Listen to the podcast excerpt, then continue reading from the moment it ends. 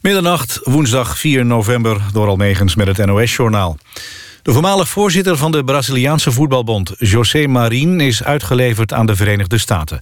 De Braziliaan van 83 wordt verdacht van het aannemen van steekpenningen... tijdens de organisatie van het WK voetbal van vorig jaar in Brazilië. Na aankomst in de VS moest Marin meteen voor een rechter verschijnen... waar hij zei niet schuldig te zijn. De rechter heeft hem huisarrest gegeven en zijn borgtocht is vastgesteld op 15 miljoen dollar. Marien werd in mei in Zurich gearresteerd... tegelijkertijd met nog zes FIFA-officials. Hij vocht zijn uitlevering aan, maar ging deze week toch overstag. Hij was pas de tweede die uitgeleverd wilde worden. Vijf andere aangeklaagde officials zijn nog in Zwitserland. Ambulancepersoneel gaat fors meer verdienen. Volgens de nieuwe CAO, waarover afgelopen avond een voorlopig akkoord werd bereikt... krijgen medewerkers 7,5% meer loon. De afgelopen maanden voerde ambulancepersoneel actie voor meer loon. Verder is afgesproken dat er meer mensen in vaste dienst komen. Jemen is getroffen door de zwaarste orkaan in tientallen jaren. Vooral de zware regen heeft veel schade aangericht. In de kustregio zijn rivieren overstroomd en zijn honderden huizen beschadigd. Duizenden mensen zijn naar hogere gebieden gevlucht. Voor zover bekend heeft het weer drie levens geëist. Jemen is slecht voorbereid op de orkaan vanwege de burgeroorlog in het land. In de Champions League heeft PSV gewonnen van Wolfsburg. In Eindhoven werd het 2-0 door treffers van Locadia en de Jong. PSV is in groep B gestegen naar de tweede plaats... met één punt achterstand op koploper Manchester United. Dat won met 1-0 van CSKA Moskou. Manchester City en Real Madrid zijn door winst al zeker van de achtste finales van de Champions League. Het weer vannacht neemt vanuit het zuiden de bewolking verder toe. In het noorden is er kans op een mistbank.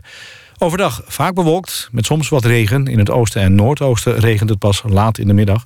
Het wordt overdag 12 tot 15 graden. Dit was het NOS Journaal. NPO Radio 1. VPRO. Nooit meer slapen.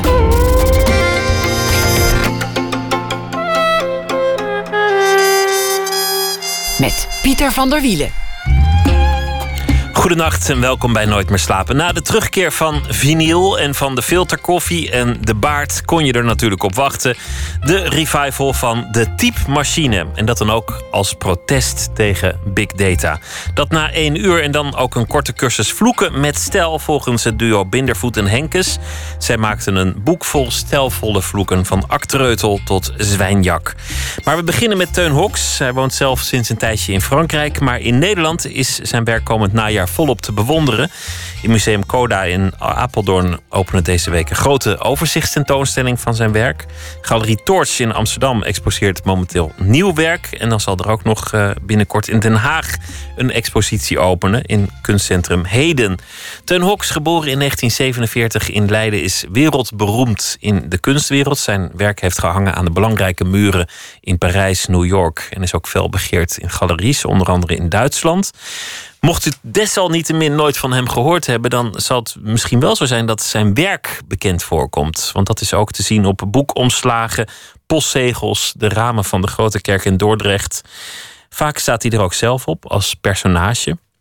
Feestend op de maan met een uh, feesthoedje en wat slingers. Op het strand liggend, kijkend naar een schip aan de horizon met een zandkasteel als koffer. Het is vaak een eenzaam personage, vaak ook een beetje een sukkel maar altijd met humor. Alle disciplines van het kunstvak komen in zijn werk bij elkaar: fotograferen, schilderen, ontwerpen en vaak ook een performance. Teun Hoks, welkom. Goedenavond. Het is moeilijk te omschrijven, maar, maar omdat we het toch over je werk gaan hebben, moeten we dat op de een of andere manier doen. Je staat er vaak zelf op, maar, maar het is niet echt een, een zelfportret. Wie staat er eigenlijk op, op die doeken? Um, ja, ik, ik, ik, ik zeg altijd, het zijn geen zelfportretten. Maar, en het liefst is het een beetje een grijs persoon. Die eigenlijk iedereen die ernaar kijkt een beetje in kan kleuren. Dat, dat je eigenlijk kunt verplaatsen in, in dat wat die man overkomt die je daar ziet. Je staat er eigenlijk zelf op. De, de kijker staat er zelf op, het publiek. Ja, bijvoorbeeld. Mensen zouden zich ermee kunnen vereenzelvigen. Dat is eigenlijk. Dat je een beetje meer. Dat je eigenlijk voelt wat die man voelt. Maar ik snap wel dat ik het ben. En dat hij ook verdacht veel op mij lijkt. Dat snap ik heel goed. Waarom, waarom ben je het zelf? Waarom heb je niet een, een acteur gevraagd of een figurant of iemand anders een, een Ja, dat kan ik niet zo goed. mensen iets vragen? Ja, dan ben ik toch bang dat ik te snel tevreden ben. En dan, en dan ben ik toch weer na de hand niet tevreden. En En dan moet hij terugkomen. ja, en ik kan het gewoon overdoen net zolang tot ik tevreden ben. Dan, eh, ik loop niet weg. Ik ben er gewoon altijd. En je bent er toch. Ja, daarom. En inmiddels is het ook herkenbaar. Ik bedoel, eh, je herkent het werk Ja. van Teun Hoks omdat Teun Hoks erop En staat. stiekem vind ik het natuurlijk ook leuk om te acteren. En, en om dat te doen. Dus het is een beetje dubbel. Ik ben vandaag geweest kijken in, in Apeldoorn. Het, het is altijd komisch, maar ook altijd een beetje ehm, droevig en eenzaam. En wat je zei van je, je herkent jezelf op een zeker ogenblik. Die melancholie of, of die sukkeligheid of die, die ambitie wat niet gaat lukken. Mm. Dan, ik herkende mezelf er eigenlijk ook wel in. Bij meerdere van die plaatjes. Ben je daar bewust mee bezig? Welk gevoel het gaat oproepen? Nou ja, inmiddels weet ik dat natuurlijk een beetje, hoe, hoe dat werkt. Maar, maar als, ik, als ik dat aan het verzinnen ben, ja, of dat, dat gebeurt al tekenend, dan, dan weet ik eigenlijk niet goed. Dan ben ik niet echt bewust dat soort dingen aan het eh, be- bedenken. Dan valt mijn oog op iets wat ik teken en dan, dan gebeurt het gewoon. Het heeft vaak iets ook, ook van, van slapstick. Er is, er is een anti-held waar je een klein beetje om moet lachen, maar ook mee te doen hebt. Ja.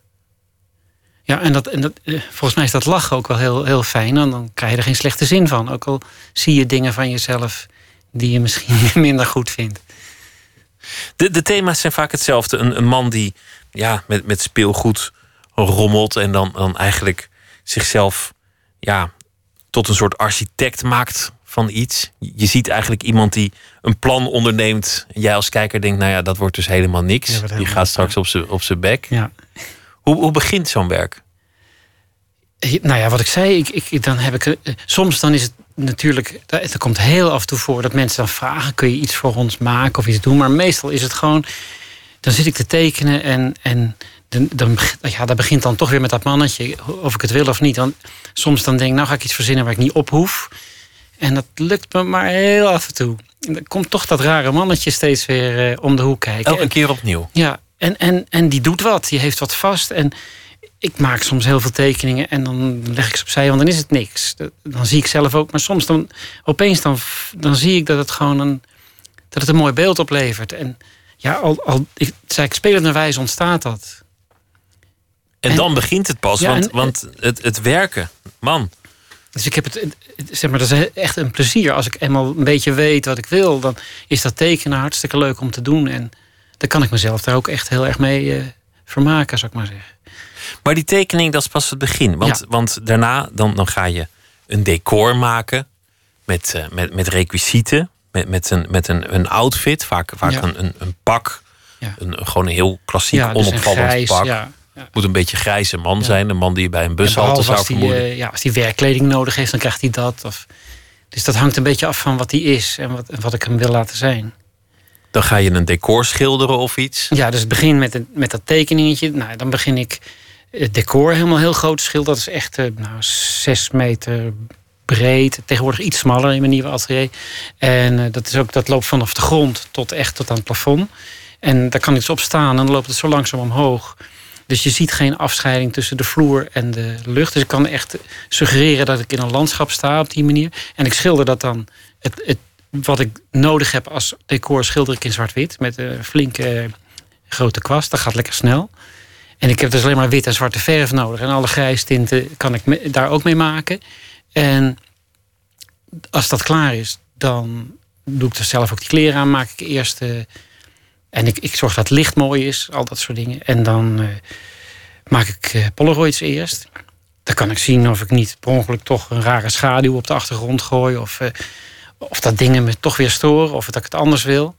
En, en soms ook met de tekeningen er nog weer bij. Om te kijken van nou, dat is nog. Oh, ja, dan streef ik er toch naar om het zo dicht mogelijk te krijgen naar hoe ik het voor me zag.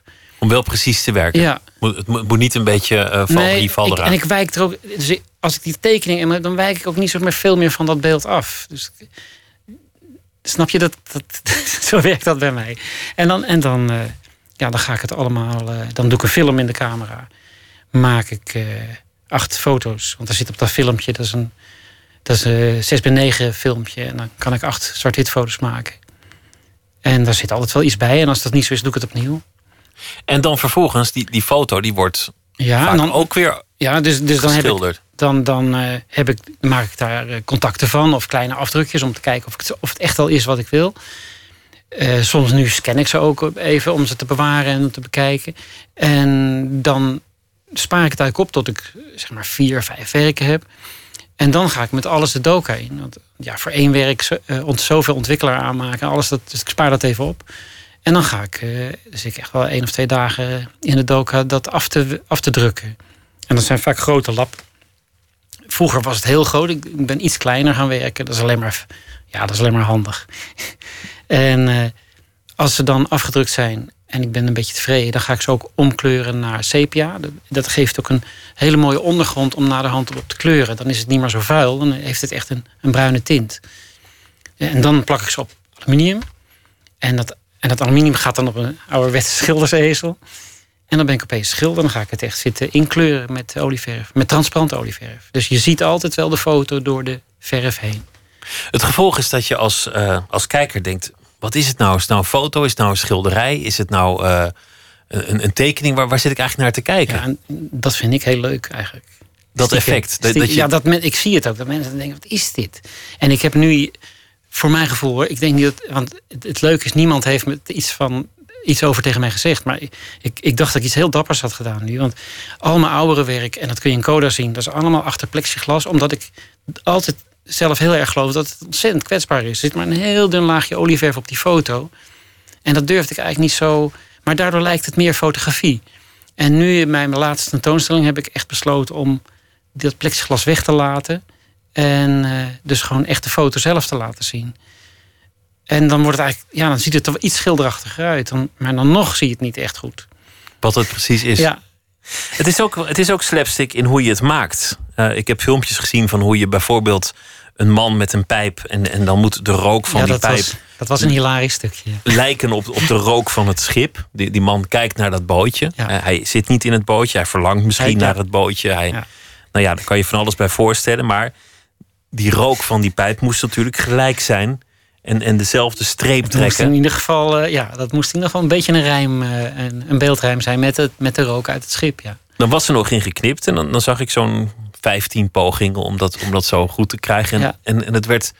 Nou ja, Laurel en Hardy waren er niks bij. Nee. En Charlie Chaplin ook niet. Ja, dat kwam natuurlijk ook eh, op dat moment omdat er mensen mij aan het filmen waren. Dat, en dan zie je, dan heb je, ben je iets bewuster van je eigen geklungel. Dus dan, en dan moest ik eigenlijk ook weer zo om lachen. Het- dus het werd ook een beetje, een beetje hilarisch daar, ja. Maar dat gebeurt natuurlijk. Dan, dan, want misschien was ik minder geconcentreerd. Want ik had op een gegeven moment ook mijn bril per ongeluk opgehouden. Die doe ik vaak af op die foto's. Om, ja, dat, die meneer heeft geen bril nodig. Ik wel, maar die meneer niet. eh. dus, en, en dat was ik ook een keer vergeten. Al dat soort dingen. En dat, dat komt gewoon omdat er meer mensen in mijn atelier waren op dat moment. Omdat ze die film aan het maken waren. Dan ben je toch minder geconcentreerd. Anders was het wel in één keer goed ja, gegaan. ik denk het wel. Dan, dan, dan, ik werk dan helemaal alleen. En eh, met zelfontspanner kun je dan die foto's maken. En als het helemaal niet lukt, omdat ik van alles vast moet houden...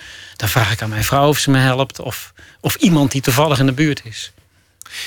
Ik zei aan het begin, het is vaak een sukkel. Het is eigenlijk iemand met wie je te doen hebt, maar het, het is ook iemand die, nou ja, misschien een beetje ijdel is bij vlagen of overambitieus Ja. of, of, of naïef op zijn minst. Maar er, daar zit altijd iets dat, dat, dat wringt. Ja. Is dat iets wat je ook, ook bij jezelf vindt? Zie je jezelf als een anti-held? Nou, ik hoop, ja, ik hoop altijd stiekem dat ik niet zo'n sukkel ben als die man op mijn foto's. Maar ik, Iedereen is wel een beetje een sukkel, Daarom. toch? Nee, dat is ook zo. En soms herken ik dingen bij mezelf en dan moet ik er wel heel erg om lachen. Ja, dat, dat is, ja tenminste, ik, ik word daar niet, eh, niet eh, droevig van, van dat soort zaken.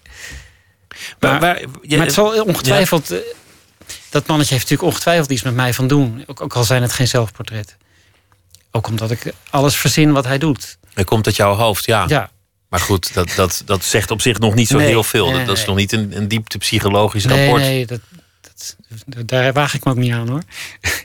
om dat te maken. Nee. Nee. Hoe is dat eigenlijk begonnen? W- Wanneer begonnen die poppetjes te komen? Want, want je hebt aanvankelijk een nette opleiding afgerond. Je hebt, je hebt alle, alle disciplines ge- geleerd. Wat was eigenlijk het eerste moment dat, Nou, dat dit je weg werd? Ja, ik heb altijd graag getekend. Dus echt van, van kinds af aan. En eh, nou ja, dat heb ik altijd gedaan. En, en dat, ik merkte ook dat, dat mensen dat leuk vonden. Dus dat ik om, om me heen dat ze dat aanmoedigden. Dus dan, ja, dan vind je dat ook leuk. Dus dan ga je door met tekenen. En dan, ik weet niet, dat, dat werkt bij mij dan zo. En ik had er zelf ook heel veel plezier in. Zoals, eh, als je jong bent, stripverhaaltjes tekenen en uh, illustraties maken voor mensen en dat soort dingen. En uh, ook op de academie heb ik altijd getekend en geschilderd. Maar daarnaast, ja, mijn vader die was dus een fanatieke fotograaf. Echt een goede amateur die zijn eigen ontwikkelaar maakte. En zijn eigen vergrotingskoker bouwde en al dat soort dingen. Dus uh, dat, ja, dat zag ik gewoon allemaal. Ik, ik stond daarbij en dan zag je zo'n fotootje in zo'n schaaltje opeens geboren worden. Ik vond dat prachtig. En, maar dus op de academie had ik gezegd, ja, dat, dat weet ik al, dat ga ik niet doen. Dus ik heb nooit een fotoopleiding gevolgd. Maar die, die foto's van je vader, die, die leken eigenlijk al enorm. Ik heb er één gezien. Je, je hebt, ja, je hebt heb ik een zeefdruk van gemaakt. Ja. Je hebt, je hebt van één een zeefdruk gemaakt. Dan, dan zie je een, een man die eigenlijk zich, op zichzelf richt met een, met een geweer. Ja, Die, die, eh, die eigenlijk zijn eigen vijand is, is geworden. ja, en dat, had zo'n werk van jouzelf kunnen zijn. Ja, omdat ik er een paar keer ook zelf zo soort dingetjes mee gedaan heb. Maar dat is geen. Ik heb een boek van een, een Canadese mevrouw. De naam is me helemaal ontschoten nu. En die, maar dat was in de 30 jaar of, of 20 jaar misschien toen die fotografie er net was. Was dat ook een soort mode dat men ontdekte dat je dus jezelf een aantal keren op één negatief kon zetten. Door allerlei klepjes en dingetjes. Dus mijn vader had dat ook ergens waarschijnlijk gelezen of gezien en die is dat uit gaan proberen. Maar ik heb ook verder niet veel van dit soort foto's bij hem kunnen ontdekken hoor. Het zijn verder eigenlijk vooral eh, gewoon familiefoto's. Gewoon hele keurige. ja, maar dit, niet ik zo, kunstzinnige eh, dit is natuurlijk een hele rare foto eigenlijk.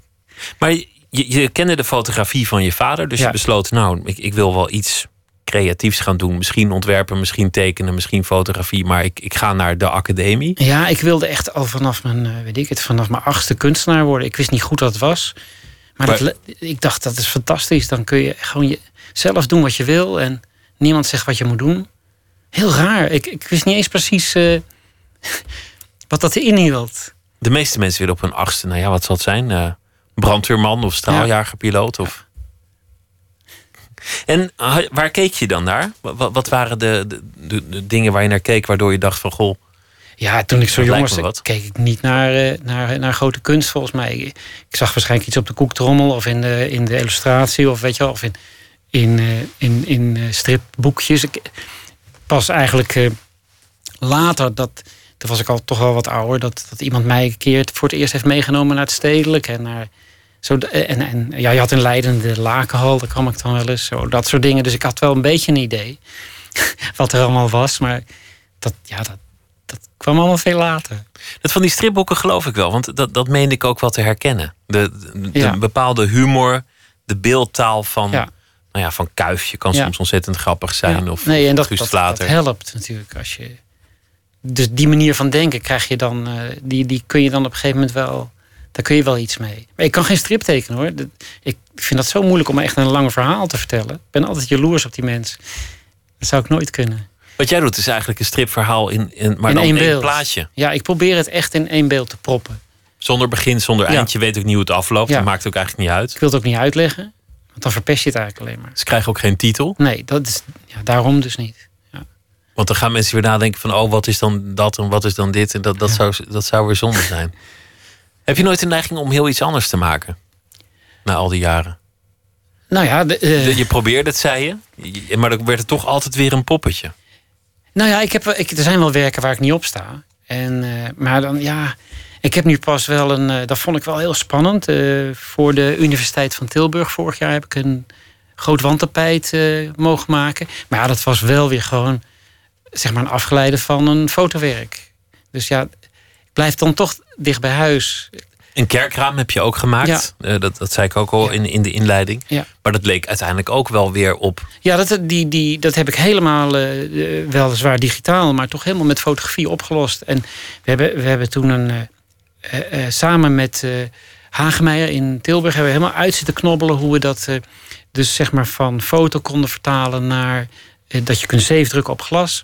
Dat je dat dan kunt branden daarna. Dus dat werd echt, dat ik het daarna ook, heb ik het helemaal gebrandschilderd. Dus helemaal, dus het inkleuren heb ik gewoon echt met ja, met een soort emailleverf gedaan... waarvan je niet ziet welke kleur het is als je erop smeert. Maar pas als het uit de oven komt, dan denk je... oh ja, wacht, het was dus rood. Oké. En hebben we allemaal dus proeven maken, proeven maken, proeven maken. En op een gegeven moment hadden we het in de gaten. En toen heb ik dat allemaal zo gedaan. En toen hebben we daarna, dat is eigenlijk, het was de helemaal de verkeerde volgorde, is dat weer door een, eh, door een of andere waterjet is het glas allemaal uitgesneden. Dat had ik weer in de computer helemaal getekend, hoe dat dan uitgesneden moest worden. En daar is, nou dat is wel fantastisch, er is niets bij gebroken. Dus ik hoefde niks opnieuw te doen. En dus het zijn, het zijn ook echt uh, iets van vier drukgangen in zeefdruk met, met emailleverf dan. Dat is gestookt op een bepaalde temperatuur. Toen heb ik het geschilderd, dat is ook weer gestookt. Toen is het helemaal gesneden en dat is in lood gezet. En gelukkig, daar had ik in het begin niet eens aan gedacht, was de dikte van de, de, de straal van de, dat, dat, die waterjet, die was precies ook. Dus wat er aan het glas werd weggespoten, was precies ook de dikte van de loodkern die ertussen moest. Dus het bleef kloppen, gelukkig. Ik heb hem gezien en het is wonderlijk, want er zijn ontzettend veel uh, beroemde kunstenaars die ooit een glas in loodraam hebben gemaakt. Matisse heeft het geloof ik wel eens gedaan en Chagall heeft en volgens mij hebben eigenlijk de meeste van die hele grote jongens het op een gegeven moment wel een keer gedaan. gedaan. Maar, maar dit is toch wel een van de meest aparte die, die ik ooit heb gezien. Terwijl op het eerste gezicht lijkt het gewoon een glas in loodraam en is er niks aan de hand. Het is niet storend of verontrustend. Maar... Nee, dat, dat, was, dat wilde ik ook echt niet hoor. Ik, bedoel, het was, ik was er niet op uit om, eh, om als je goed, te chockeren of zo. Als je goed kijkt, is, is het toch een, een ontzettend apart ding geworden. Ja, ja tenminste, ja, ik, het, ik was zelf heel, uh, ja, toch ook wel heel tevreden over de, dat het, het, het, glas, het uiteindelijk glas, heel dicht nog bij het ontwerp was gebleven. Dus hoe ik het hoe ik het eerst had ontworpen, hoe ik het had bedacht. En toen had ik daar een printje van. Hoe had ik het al een beetje ingekleurd. Zo. En nou, het uiteindelijke resultaat zit er niet zo heel ver vanaf. Dus dat vond ik, ja, dat vind ik dan echt een kick dat het gelukt is. Dat het idee uit je hoofd zich ook vertaalt naar het materiaal. En, en, dat er dan ook niks kapot gaat. We gaan luisteren naar uh, muziek. Een, uh, een, stuk van Donovan. Want uh, nou ja, ooit was hij dan het Britse antwoord op Bob Dylan. En later werd hij een van de iconen van de Flower Power beweging. Er is een eerbetoon verschenen van verschillende artiesten van nu.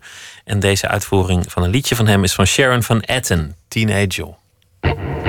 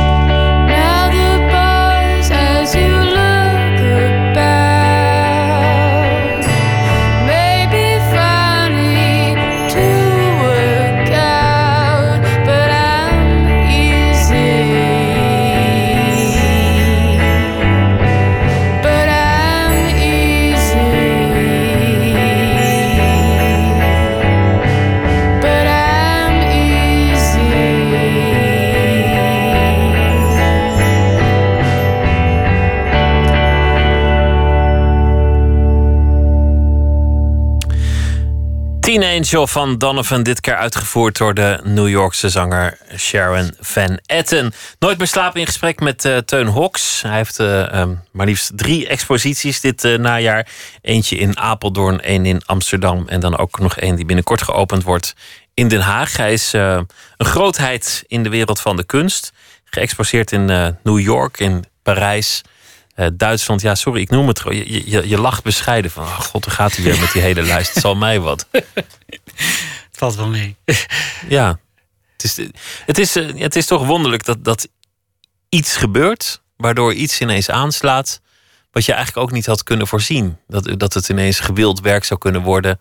Dat het, dat het in, in, de, in de geschiedenissen zou worden opgenomen, in de catalogie dat het fel begeerd zou worden door galeriehouders nagejaagd. Dat is altijd leuk. Ja. Als, dat, als dat een keer gebeurt, dan is het natuurlijk fantastisch. Daar gaat het niet om. Maar je kunt het ook niet voorspellen. Nee, helemaal niet. Natuurlijk niet. Ik heb ook geluk gehad, denk ik.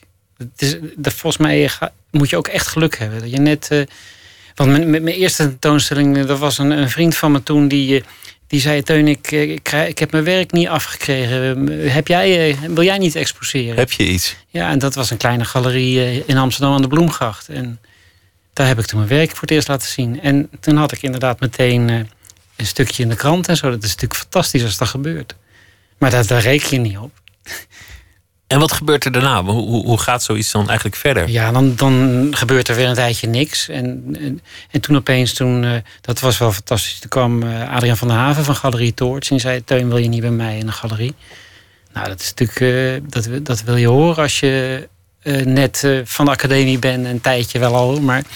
En, en er gebeurt nog niet zoveel, maar je wil het zo graag. Dus dat was fantastisch. Ik wil toch even terug naar, naar hoe het begon. Want, want je, je ging naar de academie. Mhm. Je had al op je achtste besloten, nou, ik wil, ik wil kunstenaar worden, want dat, dat, lijkt me het vrije leven. Daar, daar heb ik zin in. Je vader fotografeerde. Je, je had op de koektrommel kunst gezien. Je was meegenomen naar de Lakenhal in Leiden en je, en je had stripalbums. Maar dan kwam je, ik denk in de jaren zestig zal het zijn geweest, op die kunstacademies waar alles op de schop moest, waar iedereen alles anders wilde doen. En het was de tijd van de performance kunst ook. Ja, en nou toen ik daar kwam, dat, dat, was, dat, was, uh, dat was de popart toch heel. Want ik heb toen prachtige popart tentoonstellingen in Londen gezien. Uh, echt met de eerste Warhols en, en Rauschenberg. En, en al die, die mensen die, die, uh, die toen echt even. En dat was, dat was voor mij op dat moment echt een eye-opener. Ik dacht, jeetje, dat, dat, dat het kan. Dat spelen en die gekkigheid en die humor, dat vond ik zo leuk. Dat dat zo, het was opeens geen, geen serie, want daarvoor waren het inderdaad allemaal, was allemaal vrij serieus. Dan moest je toch minstens een paar flinke verfvlekken op je jas hebben en diep nadenken over eh, alle zware dingen in het leven. En dat moest je dan schilderen, bij wijze van spreken. Dat museum, dacht ik, dat dacht was ik iets heel, heel plechtigs. Ja, ik vond het in ieder geval altijd heel serieus. En toen dacht ik, oh wacht even, maar dit kan dus ook. En dat vond ik. Ergens weet je het wel stiekem, maar opeens weet je het zeker. Dan zie je dat. En, en en toen daarna, inderdaad, toen ik van de academie afkwam, toen merkte je dat er toch ook heel veel kunstenaars met fotografie eh, aan de slag gingen. En hun eigen performances uh, registreerden. Of inderdaad, zoals bijvoorbeeld zo iemand als William Beckman, uh, foto's van zichzelf gingen maken. En dan denk je, oh, oké, okay. tuurlijk. Dat kan ook. Ja. Maar die, die performance kunst, en, en ik wil niemand tekort doen, maar als het één ding vaak ontbeert, dan is het nou net die humor. Ja. Vaak, nemen die mensen zichzelf oorvertovend serieus. Ja. ja en zeker in die tijd. Dan, dan, nou ja, ik, nou, als, als reactie erop ben ik toen wel uh, ook een soort kort... Uh, heb ik een uh, soort theaterprogrammaatje gehad, een tijd. En dat noemde ik Eeuwig Zingende Zagen. En toen heb ik nog een deel 2 gemaakt. Dat heette Eeuwig Zingende Zagen in het Donkere Kamerorkest. Maar daar nam ik eigenlijk... Dat waren allemaal korte stukjes achter elkaar. Allemaal soort sketches met, met allerlei spulletjes. Maar dan nam ik dat wel een beetje op de hak, eh, op een vriendelijke manier. Ook een beetje pret maken en eigenlijk ook er een beetje om lachen. Ja, dat was het vooral. Er is, uiteindelijk kun je daar natuurlijk ook wel om lachen. Iemand die zichzelf met inkt overgiet en, en daarbij kreten slaat. Of, of, of al zijn kleren uitgooit en dan, dan midden in het museum gaat staan een, een, een dag. Ja als je, als je even anders kijkt, dan, dan is het ook vaak toch een beetje, een beetje grappig. Ja, sommige, sommige dingen vond ik wel eng hoor. Die, die body art en zo, dat vond ik echt een beetje eng. Maar oké. Wat bedoel je dan? Nou, mensen die in zichzelf gingen snijden en dat soort enge dingen, dat kon ik niet zo goed tegen. Maar verder vond ik het inderdaad eh, prima. En dan wilde ik het ook allemaal wel zien een keer. Of in ieder geval weten dat het gebeurde. Je had dan je eigen theater om, om er op een, op een vriendelijke manier een beetje de draak mee te, mee te steken. Ging je daar dan ook meteen foto's van maken? Beeld? Nou, er zijn wel, ik denk wel een paar dingetjes die toen op een gegeven moment. Ik deed het eigenlijk tegelijkertijd. Dus ik was ook al met die fotografie zo stiekem bezig na de academie. En eigenlijk vanaf 77 heb- ben ik dat ook gaan laten zien. En, eh, En zo, zo kwam het langzaamaan, het, het overtekenen, het, het ontwerpen. ja, Je bent ook altijd les blijven geven. ja. Ik, ik ben begonnen inderdaad met. eh, en toen had ik nog geen galerie of niks. En ik, ik was ook nog niet. eh, niemand wist van me af. En toen heb ik gewoon eh, ja, kindergroepen begeleid met, in hun vrije tijd. eh, met, met figuurzagen en schilderen en kleien. Je kent dat wel. En vooral veel rommel maken. en plezier. En korte filmpjes en dat soort dingen deden we met Polaroid fotootjes. En later aan de academie, toch, Ja. toch, toch wat, wat Ja. gewichtiger. Ja. Echt serieus ontwerpen. Op de designacademie ben ik les gaan geven. En daar heb ik tekenen, vooral tekenles gegeven eigenlijk. Vond je dat En leuk? Schetsen. Ja, ja, en nou, ik moet zeggen, het was altijd een beetje. Ja, ergens, ik voelde altijd zo van. Ja, dat, dat, moet wel. Want mijn, kunst, mijn kunstenaarsbestaan was natuurlijk heel onzeker nog. Dus ik dacht, laat ik dat nou maar doen. En, eh, dus dat ben ik wel gaan doen. Ook, eh, ja, daar moest ik wel een beetje ook naarheen gedouwd worden. Maar ik ben het wel gaan doen. Want ik vond het ook eng. Want eh, ik weet de eerste keer dat, dat ze me daar vroegen... was ik net bezig met een eh, theateroptreden... met eh, Michel Wijswies en Monique Toebos. En daar deed ik aan mee. En, dat, en toen zei ik tegen ze... ja, maar ik heb niet zoveel tijd, want... ik ben, en ik, maar eigenlijk was ik gewoon een beetje bang om les te gaan geven. Ik dacht, dat kan ik allemaal niet. En toen zeiden ze dus van de Design Academie... Dus, dat, toen van, oh, nou dan zeg je maar tegen ons wanneer je niet kan, dan, dan, regelen we dat wel. Die, dus dat, die dachten dat ik een soort hard to get aan het spelen was, maar ik was gewoon hartstikke onzeker. Dus dat was wel grappig. Maar je zegt, ik deed het ook omdat ik behoefte had aan zekerheid. Ja. Het kunstenaarsbestaan, dat, dat geeft geen stabiel inkomen, geen, geen nee, zeker in het begin niet. Nee. Geen, geen pensioen, geen, eh, geen verzekeringen. Nou ja, Ja. noem maar op. Maar als achtjarige zei je, ik wil kunstenaar worden... want dat is het grote vrije leven. Ja, ja, ja, ja, nee, maar dat, Die twee dingen zijn vo- volmaakt met elkaar in tegenspraak ja, eigenlijk. toch kon ik dat aardig bij elkaar. eh, Ja, ja. de- het was ook niet, eh, dat lesgeven, dat was ook geen volle week hoor. Dat, heb ik één, dat deed ik één dag in de week. Of, kijk, dat is toch op te brengen. Eén, één dag en op een gegeven moment twee dagen. En meer wilde ik ook echt niet. Want anders kun je niet in je atelier. eh, En dan, is de, dan is de huur binnen en, en ja, het, en dat het was echt zo voor de basisdingetjes. En dan, dan daarna dan kun je gewoon inderdaad lekker je, je gang gaan. Maar ben jij iemand die, die houdt van zekerheid? Is dat deel van je karakter? Ja, dat weet ik eigenlijk niet. Ja, misschien. Zou best kunnen hoor. Ja, dat is een goeie. Ik, nee, dat weet ik niet. Ja, ik denk het wel. Ja, nee, ja dat weet ik niet. nou ja, eh, misschien, misschien wel, misschien niet. Misschien iedereen. Misschien iedereen nou, niet, niet. meer of minder inderdaad als een ander. De- Ik, heb een heel gewoon. Ik ben ook niet, niet heel erg bang uitgevallen. Zo, meestal, meestal ben ik niet zo met dat soort dingen bezig. En jouw ouders, want wat, vonden die eigenlijk van jouw keuze? Om, want je vader Nou ja, was dan dat- wel een fanatiek fotograaf. Maar, maar wat vond hij eigenlijk van het, van het plan om, om er je werk van te maken? Nou, dit, daar was, mijn vader is vrij jong overleden. Tenminste, toen zat ik nog op de middelbare school. Dus, maar op, toen ik naar de academie ging, toen eh, had mijn moeder... daar was zoiets van, nou, moet je niet dan eh, publiciteit gaan doen? Want dan... eh, en dat leek me ook wel wat. Ik dacht, daar kan ik fotograferen, daar kan ik tekenen. Reclames maken Ja, ja, ja. ja. Eh, want dan heb je in ieder geval zekerheid. Dat was mijn moeder eigenlijk die dat... En toen na een jaar, toen had ik zoiets van... nou, weet je wat, ik ga naar de vrije afdeling, want dat wil ik. Dat wil ik altijd al. Dus toen ben ik geswitcht. En mijn moeder had niet eens in de gaten. Je gewoon niet verteld dat je een andere richting deed. maar dat, dat... Ja, toen had ze al zoiets van... ach, Ah ja, doe maar. Ja, Dat precies. jij wel. Ja. Je, hebt- je hebt het later ook wel... Nou ja, je hebt niet volgens mij echt reclames gemaakt... maar wel, wel redelijk toegepaste dingen.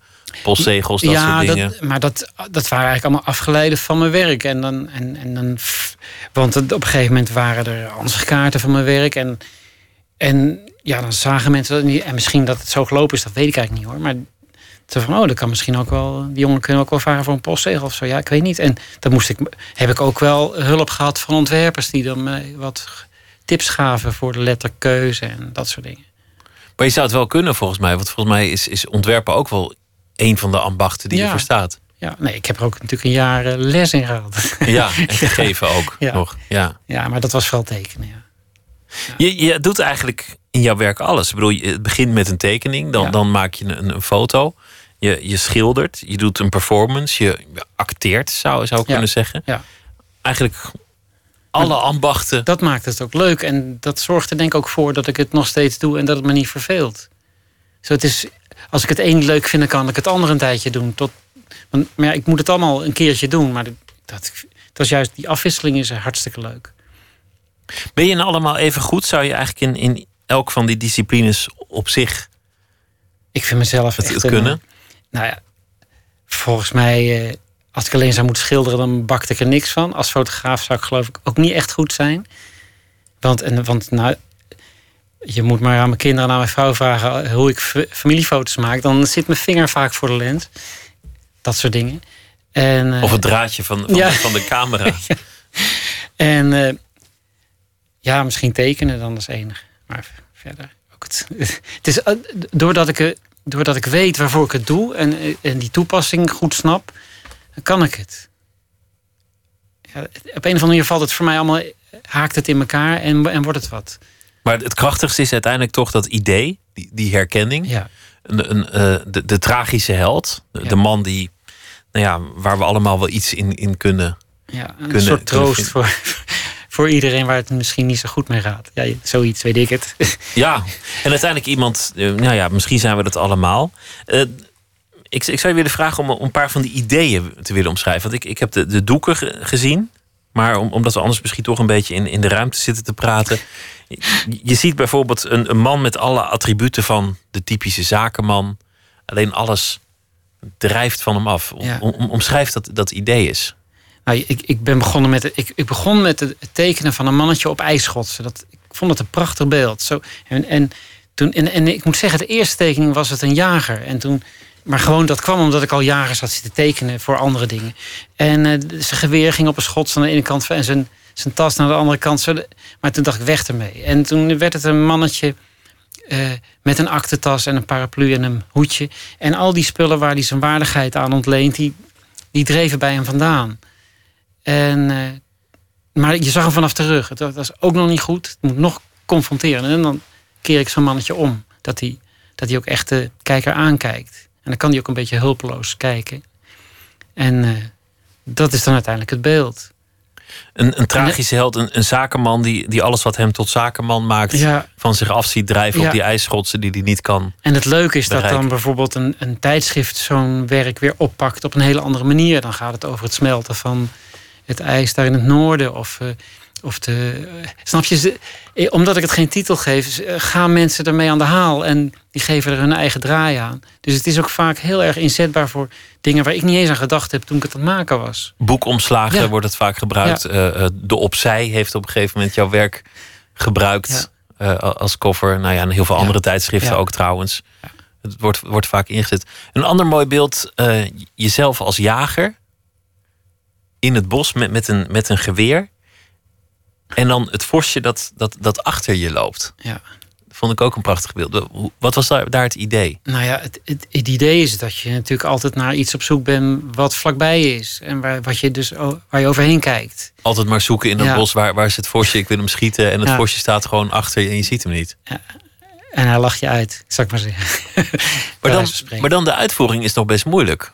Ja, en dat was, dat was eigenlijk toeval. Dat, eh, en meestal gebeurt het ook zo. Dan, eh, soms heb ik een idee en, en ik, ik heb een keer een idee gehad voor een, voor een, een vogelnest wilde ik maken. Afijn, dat werk is ook bij het Coda. En, en dan kom ik naar buiten bij mijn atelier en dan ligt daar, liggen daar een heleboel takken. Iemand is dan zijn tuin aan het snoeien. En dan kan ik dat meteen gaan maken. Of, of ik vind ergens een prachtige stoel die, die meteen past bij het idee wat ik heb. Dus, of of ik, ik wil een werk maken met een spinnenwiel en dan blijkt, ik, blijkt er een hele goede vriend van me er een thuis hebben staan die ik zo kan gebruiken.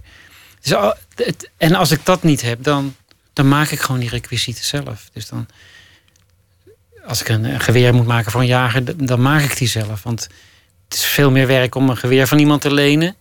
Want waar moet je dat lenen? En uh, om, of om daar zelf even vlug heen in elkaar te knutselen. Ja, hoe kom je aan een geweer? Dan maak je er maar één. Ja. En hoe kwam je aan een vos? Dat, nou, ik, ik, op dat moment uh, had ik mijn atelier in Nieuwe A. En dat huurde ik van een jongen die, uh, die uh, als, hij noemt het zelfs zijn foute hobby, die jaagde dus af en toe. en die, die, die had dus als eerste een keer een vos geschoten en die had hij op, op laten zetten. En die heb ik toen van hem geleend. dus dat was ook heel vlakbij. Dat ding dat stond een verdieping hoger bij mijn atelier. Kortom, alles wat je zoekt, dat blijkt in de, in ja, de buurt te zijn. Ja, daar struikel je dus ook bijna over. Dus. Ik kan nog heel lang doorgaan. Een, een, een, man die roeit in twee emmers water. Dus je hebt twee roeispanen. Ja. En aan beide zijden staat een emmer water... Waar, waar, dat hij toch nog kan roeien ja. op het droge. Ja, maar dat is anders ontstaan. Dat was een, een verzoek van... Dat, dat was een project van Torch, van Adriaan van der Haven toen. En dat heette Long Stories. Dat waren, dat waren verhalen van mensen met longkanker... die dat weer overwonnen hadden. En toen werd er gevraagd of een aantal kunstenaars daar dan een werk voor wilden maken. En toen had ik als idee, eh, had die man een verhaal geschreven... dat hij dus uh, op een gegeven moment weer was opgeknapt... en altijd al graag, hij was een roeier en dingen... en hij had dus, dat kon niet meer... maar op een gegeven moment was het toch weer gelukt om in die kano terecht te komen. En, ja, zo ontstaat dan zo'n beeld bij mij.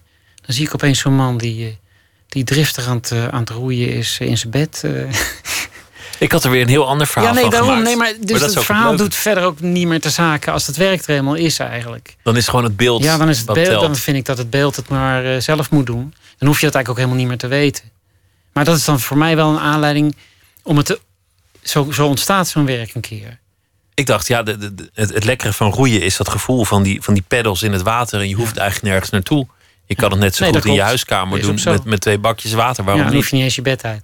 Ja, dan kan je het. Ik bedoel, dat is eigenlijk wat je in een sportschool ook doet als je op, Ja. op, zo'n fiets zit Ja, met, met een schermpje. Exact. Of, of zo'n roeimachine. Die hebben ze trouwens Ja, die ook. hebben ze ook. Ja. We gaan weer luisteren naar ehm Guy Garvey. Garvey moet ik zeggen. Hij is van eh, Elbow, maar hij heeft ook een eigen carrière. En eh, dit nummer heeft hij bijvoorbeeld helemaal alleen gemaakt: Electricity.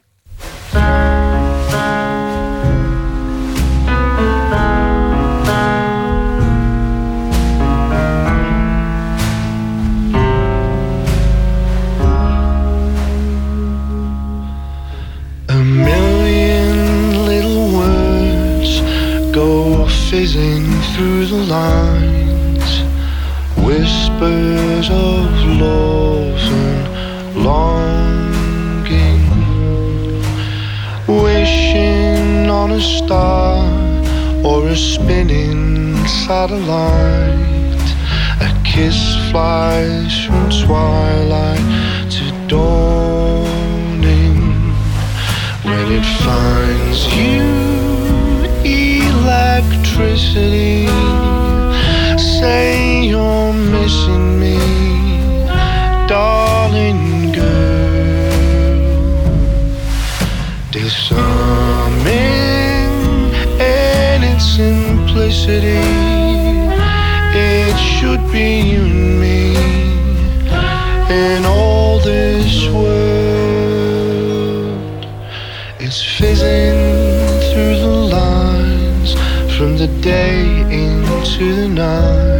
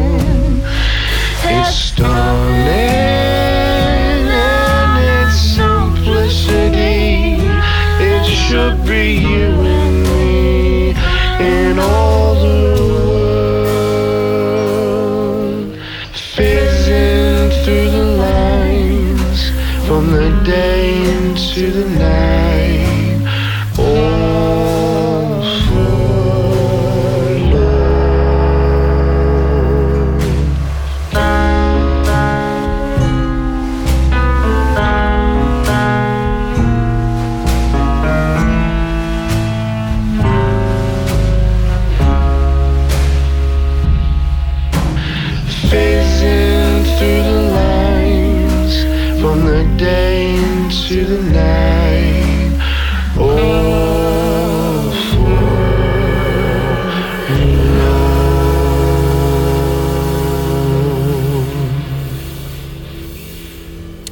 29 november op een zondag zal hij optreden in Paradiso in Amsterdam. Guy Garvey is dat. En dit nummer heet Electricity. Nooit meer slapen in gesprek met Teun Hoks. Naar aanleiding van maar liefst drie tentoonstellingen van zijn werk. Waarvan één in Apeldoorn, een grote overzichtstentoonstelling met ook ouder werk. Eén in Amsterdam met nieuw werk. En dan ook nog één, alsof het allemaal niet genoeg is, in Den Haag. Teun Hoks die woont al een tijdje in eh, Frankrijk, sinds 2012. Ja. Hoe is dat eigenlijk zo gekomen? Waarom ben je vertrokken? Ehm, ja, dat, dat, dat, kwam, dat kwam door een, paar dingen. Het, het, eh, het, het, het moment werd ook wel bepaald door het feit dat ik 65 werd en dus geen les meer hoefde te geven. Dus er waren toen al helemaal, was er niks meer wat me hier hield. Maar eh, vooral eigenlijk dat mijn, mijn atelier en mijn huis samen een beetje te duur werden voor me. Omdat het toch niet, op dat moment niet zo goed ging eh, in de kunstwereld. En eh, vooral bij mij dan. En dan kun je beter maar. en wij, hadden een huisje in Frankrijk al, al jaren, een jaar of twintig. En, dus we kwamen daar graag. En toen hebben we dat omgeruild voor een. Konden we op een gegeven moment eh, een molen kopen. En dat, eh, waar ik ook een werkruimte kon maken. Dus dat hebben we maar gedaan. Dus nu heb je daar je atelier. Ja, en- aan huis gewoon. Dus zeg maar, dus het is een woonhuis met een, met een, eh, een voormalige molen. Die, we- die, we helemaal, die heb ik helemaal tot atelier kunnen veranderen. daar is dan niet, niet zozeer het streven naar zekerheid, maar misschien het streven ook een beetje naar, naar, naar rust in financiële zin. Ja, en je, en je, want ik wilde, ik wilde gewoon werk blijven maken. En als je dan in Nederland blijft, dan kun je misschien je atelier niet houden. Dat soort dingen. Dat leek me een ramp. Eh, Ik moet er niet aan denken dat ik geen atelier zou hebben. Eh, Of dat je heel, heel veel keuzes moet gaan maken, heel productief moet gaan worden, bepaalde tentoonstellingen moet gaan doen. Nee, en nu kan Voor ik de gewoon- bank. Ik heb er gewoon, eh, kan op mijn gemak werk maken. En als ik dat dan heb, dan. Zo, het is inderdaad. nee, het is, en, en het is voor mij heel leuk nu om te ontdekken dat na die. eh, want ik heb een jaar lang eh, daar echt gewerkt. Om, om zeg maar die molen om te bouwen tot eh, atelier en het huis ook natuurlijk een beetje naar ons zin te krijgen. Verwarming erin, al dat soort dingen. En ook in de, in, en, en, en een doka gemaakt. Ja, ik, het is leuk om nu te merken dat het, sorry, dat het, dat het werkt. Dat ik daar dus echt werk kan maken. Nou, fijn, dan kun je bij Toort zien, want alles is dus eigenlijk in, made in France, zeg maar. Ja, je, je kan het een klein beetje hier en daar misschien aan de, aan de requisieten zien, maar, maar verder is er volgens mij niet enorm verschil Nee, tussen, tussen wat je maakte en wat je nu bent gaan maken. Nee, het is het sluit naadloos aan volgens Het mij. na, naadloos aan. Het is, Ja. Dit is gewoon, gewoon wat je doet. Je, op je achtste wist je al, ik wil kunstenaar worden. En je bent het gewoon geworden. Je dacht, nou ja, kunstenaarschap, dat is, dat is misschien ook niet zekerheid. Laat ik er les bij geven. En, Ja, maar dat is toch eigenlijk ook een hele, hele prettige manier. eh. ja, ja, prima. En dan ook nog in je, in je eigen vak. Ik bedoel, Ja. Je hebt niet iets... komt altijd gemotiveerde mensen tegen. Dus gewoon, dat is gewoon hartstikke leuk. Maar als- ik het zo schets, dan is, is het eigenlijk een, een, een heel... eh, een- ja, bijna een bestaan als een lineaalstreep. Als, als ik het zo vertel. Gewoon in een rechte lijn. Dit is wat je wilde, dit is wat is Ja, gebeurd. En Ja. ja, daar ben ik zelf ook verbaasd over. Want ik hoor altijd van. Ik, ik, dan hoor je van mensen die hebben dan eh, iets gestudeerd. En uiteindelijk dan worden ze iets heel anders. En denk ik, hè? Maar je wou toch altijd dat? Dat is toch raar? Dat, dat snap ik dan niet. Of ze komen in een, in een midlife crisis, of het roer moet zes keer om, of Ja. ze, ze willen een andere kant op, of, of dingen mislukken. Dus of, mensen die, die kunnen dan heel, eh, heel makkelijk. En in die zin ben ik dan waarschijnlijk niet zo flexibel. Ik weet het niet. Maar die kunnen dan heel makkelijk opeens een heel ander werk eh, doen. Dat kunnen ze dan ook. Nou, ik, ja, ik zou er niet. Ik doe, ik doe wel allerlei dingetjes. Ik maak ook wel films en, ik- en ik, ik, ik teken. En snap je, je bent me wel van alles bezig, maar toch niet zo als dat je opeens een heel ander beroep hebt. Het zou niet zijn als ik morgen banketbakker zou worden of zo. Echt een avonturier ben je volgens mij niet. Nou ja, dat doe je dan in je werk. Dat is het avontuur. Ja, waarschijnlijk. Ja. En daar zit, daar zit altijd ook wel een enorme vrolijkheid in. Ik bedoel, de, de, ik, je kan het aan de ene kant tragisch noemen. Het gaat over het mislukken. Het gaat Ja. over, over Ja. de dromen die niet uitkomen. Het gaat over, Over- mensen die op hun bek gaan. Maar Ja. het is uiteindelijk Over het ook geploeter. eh, over het geploeter. Want, want dat is het leven. Toch ook. En, en ja, dat is ook wel leuk om, om daar dan niet al te serieus over te doen. Is dat eigenlijk ook, ook gewoon hoe je, hoe je het bestaan ziet? Van, van niet al te serieus doen, maar het is wel geploeter, maar je moet het met een glimlach aanschouwen. Ja, lijkt mij wel. Dat lukt mij ook niet altijd natuurlijk. Maar dat vind ik wel eigenlijk. Hoe, hoe productief ben je eigenlijk? Hoeveel van die, van die werken Ja, maak je dat inmiddels? Kun je, dat, kun je dat zeggen? We- Weet je dat? Is dat stabiel? Ja, ik, ik, ik geloof dat ik nu... eh, Want ik nummer ze dus eh, eigenlijk vanaf... Of van een bepaalde tijd af ben ik ze gaan nummeren. En ik, ik, ik heb nu toch al iets van... zit aan 260 werken of zo die, die ik gemaakt heb. eh, Die ik dan ook een beetje de moeite vind, zou ik maar zeggen. maar ja, soms een jaar eh, dan eh, zijn er maar twee werkjes. Maar een ander jaar dan heb ik er opeens tien. En soms maar of zes. Zo, dat is het een beetje... de- En dan vaak in een hele korte periode. Dan doe ik een tijdje zit ik alleen maar te tekenen en te denken. En een beetje te rommelen. Dan komt er niet zoveel uit mijn vingers. Ik, kwam, ik kwam je werk ook tegen bij een exposé over, over het zelfportret. Ondanks dat, dat, dat je zelf Ja. altijd vindt dat het daar niet thuis hoort. Ja. Dat het geen zelfportret is. Maar in de kunst is dat eigenlijk altijd het, het interessantste deel. Ja. Nee, maar dat snap ik wel. Dat, Het, het zelfportret is eigenlijk het, het, het boeiendste, omdat je, je één ding nou net niet helemaal zult begrijpen of net niet te vertrouwen bent in het schilderen daarvan. Dat is namelijk jezelf. Ja. Of Rembrandt het nou is, of, of Frida Kahlo, of Vincent van Gogh. Elke keer zijn het toch die zelfportretten die, die het meest fascineren ja. van de kunstenaar. Je ziet zijn gesteldheid, zijn, zijn, zijn gevoelens, Ja, maar en misschien ook wat hij En dat wil overdrijft hij natuurlijk ook altijd stiekem. Zonder dat hij er erg in heeft. Het wordt ook een karikatuur. Ja. ja. Nee, niet echt een karakter, maar wel een beetje. Denk ik. Hoe zie je dat bij, bij jezelf? Kun, kun je inmiddels ook een soort, soort ontwikkeling zien in, in al die keren dat je jezelf geportretteerd hebt? Ja, het leuke vind, vind ik dat, dat die, die figuur op die foto's... Nou, hij is altijd vrij serieus. Dat vind ik altijd wel grappig. En je ziet hem ook eh, ouder worden. En daar had ik natuurlijk nooit aan gedacht dat dat zou gebeuren. Dat je zelf ouder zou worden? Ja. Je ziet echt dat mannetje van eh, jong ventje... toch een wat oudere man worden. En ik vind dat, ik vind, ja, tenminste anderen wijzen me daarop. En dan, ja, ik vind het wel heel erg leuk. De kleur gaat uit de haren of dan Ja. wordt een, een andere kleur. En de haren verdwijnen langzaam. Een paar haren Ja, zijn verdwenen. Misschien, misschien ook, ook wat. eh, je, je krijgt een wat, wat ander, Ja, wat natuurlijk. slanker postuur na- naarmate je ouder wordt. Ja. Dat, dat soort Ja, dingen. dat verandert. Maar de vrolijkheid is gebleven. Volgens mij is, is de vrolijkheid die je had toen je acht was. Ja, Of gelukkig toen je twintig was, die, die is er nog Ja. steeds. Nou ja, dat is ook. eh, die mag van mij ook maar liever niet weg. Als, dat, als me dat lukt om dat erin te houden, dan, eh, dan heb ik al heel wat. eh, Dan ben ik al heel blij. En, en het is niet zo dat ik als ik werk maak, dat ik probeer eh, lollig te zijn of zo hoor. Maar dat overkomt me dus gewoon. Als ik dingen maak, dan sluipt dat erin. Maar daar ben ik niet naar op zoek. Want ik, ja, ik probeer toch vaak heel serieus een mooi poëtisch beeld te maken. En niet zozeer lollig te wezen of zo. Je bent ook heel vaak vergeleken met de, de, de absurdisten, de, de, de Belgen. Ja. Dat, dat is niet een vergelijking die je volgens mij heel, heel passend vindt. Nou ja, ik, dat ligt aan wie je bedoelt. Er zijn, er zijn eh, mensen die, eh, die ik wel be- bewonder, maar. Snap je? Maar, maar, want Magritte wordt natuurlijk genoemd. En dat heb ik op een gegeven moment op de academie pas voor het eerst echt ontdekt. Toen je lang je, di- je ding deed eigenlijk. Ja, maar, en dan zie je.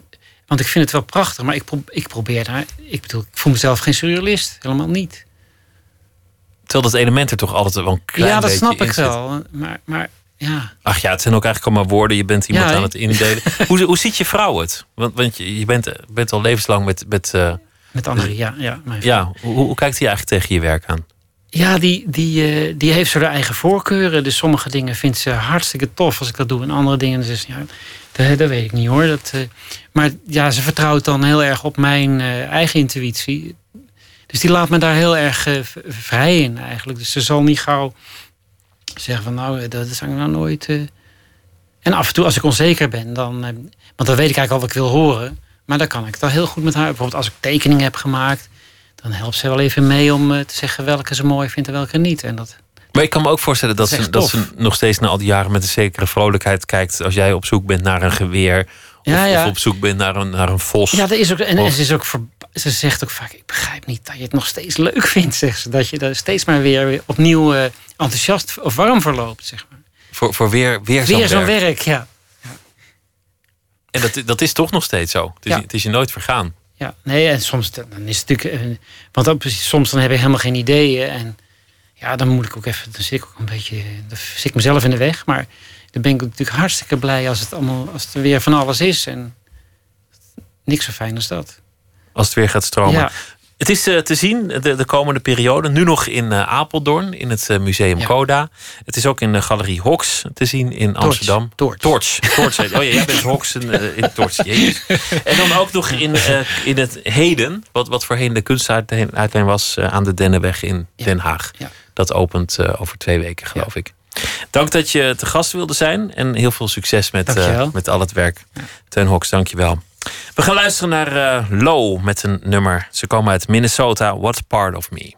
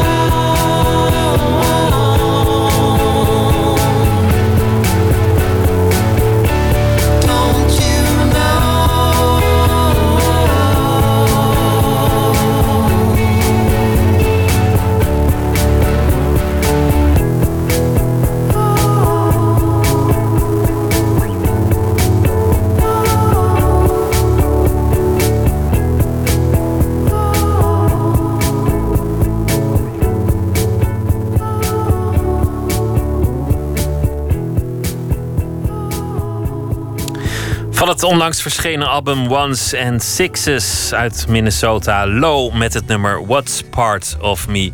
Zometeen eh, gaan we het hebben over de Typewriter Revolution. Over de terugkeer van de typemachine. En een cursus stijlvol vloeken. Met woorden als actreutel en zwijnjak. Gemaakt door Erik Bindervoet en Robert-Jan Henkes. Twitter, het VPRO NMS. Of via de mail nooit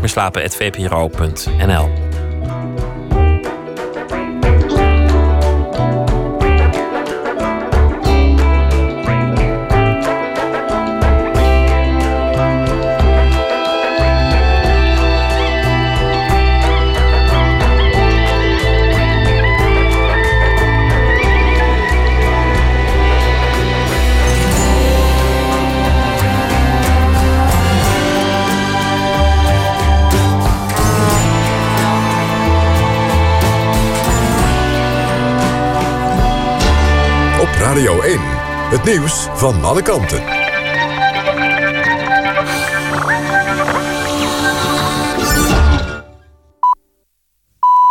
1 uur door Almegens met het NOS-journaal. In Afghanistan is vorige week een jonge vrouw gestenigd... omdat ze vermoedelijk overspel heeft gepleegd. De vrouw van 19 zou tegen haar wil getrouwd zijn... en het daarna met een andere man hebben aangelegd. Dat melden verschillende media, waaronder de Britse krant The Guardian. De steniging zou hebben plaatsgevonden in een dorp... net buiten de hoofdstad van de Afghaanse provincie Gore. Op internet is een filmpje verschenen waarop een steniging te zien is... maar het is onzeker of het om dit geval gaat. De voormalig voorzitter van de Braziliaanse voetbalbond, José Maria Marin, is uitgeleverd aan de Verenigde Staten. De Braziliaan van 83 wordt verdacht van het aannemen van steekpenningen... tijdens de organisatie van het WK voetbal vorig jaar in Brazilië. Na aankomst in de VS moest Marin meteen voor een rechter verschijnen... waar hij zei niet schuldig te zijn. De rechter heeft hem huisarrest gegeven... en zijn borgtocht is vastgesteld op 15 miljoen dollar. Ambulancepersoneel gaat er in salaris fors op vooruit. Gisteravond werd een voorlopig akkoord bereikt. Er is afgesproken dat de medewerkers 7,5% meer loon krijgen. Het ambulancepersoneel komt daarmee ongeveer op gelijke voeten staan... met verpleegkundigen in ziekenhuizen. Verder is afgesproken dat er meer vaste dienstverbanden komen. De afgelopen maanden voerde het ambulancepersoneel actie voor een nieuwe CAO. De bonden noemen het doorbetalen van de onregelmatigheidstoeslag tijdens vakanties een grote overwinning. In de Champions League heeft PSV gewonnen van Wolfsburg. In Eindhoven werd het 2-0 door treffers van Locadia en de Jong. PSV is in groep B gestegen naar de tweede plaats... met één punt achterstand op koploper Manchester United. Dat won met 1-0 van CSKA Moskou. Manchester City en Real Madrid zijn door winst al zeker van de achtste finales van de Champions League. Het weer vannacht neemt vanuit het zuiden de bewolking verder toe. In het noorden is er kans op een mistbank. Overdag vaak bewolkt, met soms wat regen. In het oosten en noordoosten regent het pas laat in de middag. Het wordt overdag 12 tot 15 graden. Dit was het NMS Journaal. NPO Radio 1. VPRO. Nooit meer slapen.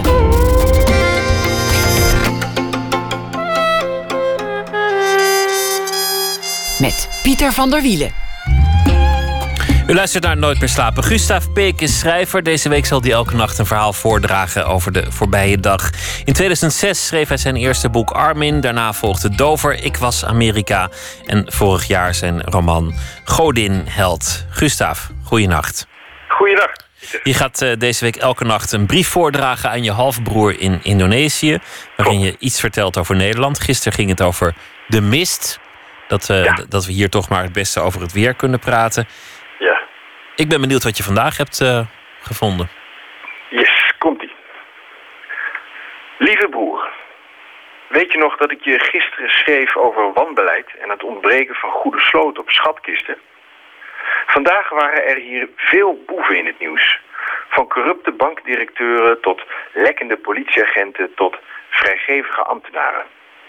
Even dacht ik dat het allemaal kwam door een overschot aan geld en de narcotiserende luxe van vrijheid. Maar van vrijheid en slaap heeft de mens nooit genoeg. En jouw land is het krachtdadige bewijs dat zelfs een bijna lege honingpot elke hongerige hand weet aan te trekken. Onder mijn raam is een zuchtend leger aan bouwvakkers en stratenmakers bezig om een metrolijn aan te leggen. Het project is uitgelopen en over het budget gegaan. Voor het dagelijkse gedonder van drillboren en graafmachines betaal ik dus zelf. Wie op straat omhoog kijkt, kan mij soms hinnikend als een aap achter het raam zien lachen.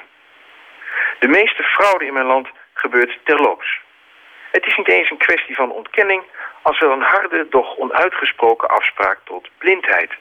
Een onvermurfbaar verlangen onzekere zaken zo onzichtbaar mogelijk te houden. Het is een voorstelbare dynamiek.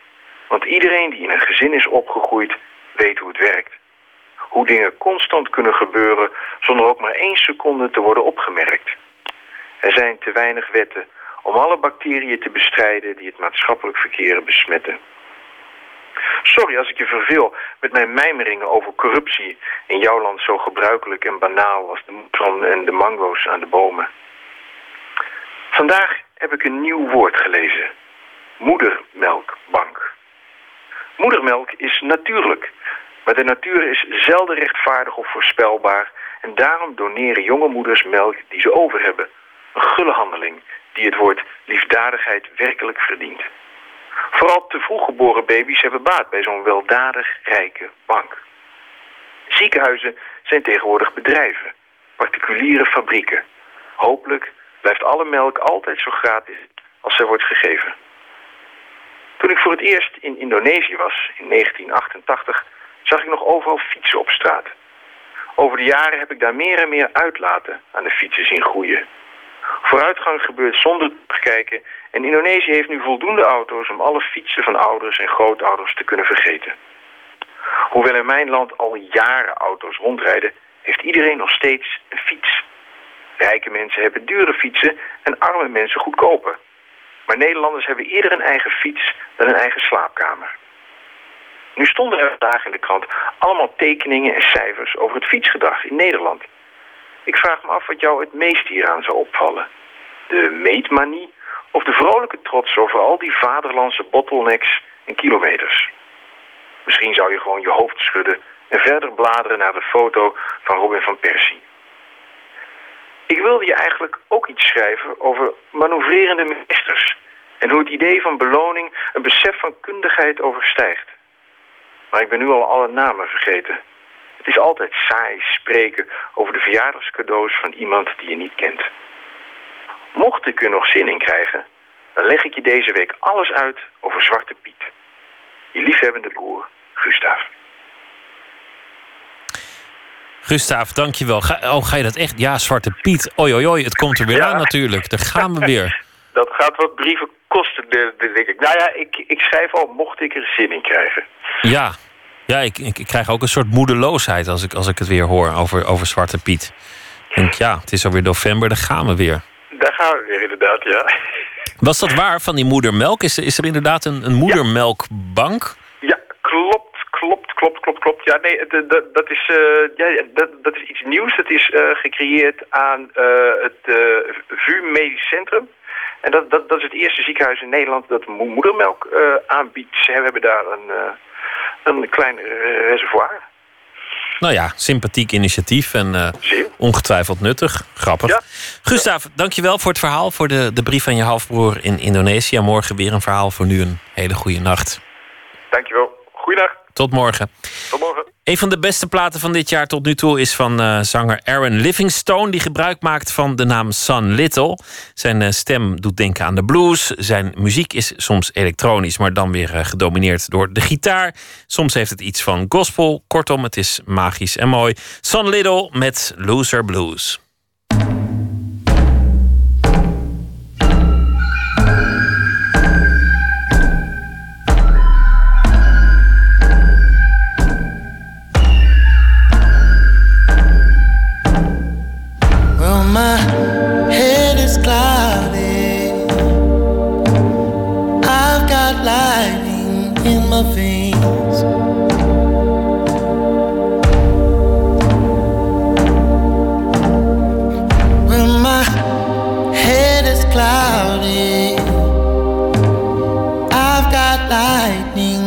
My veins.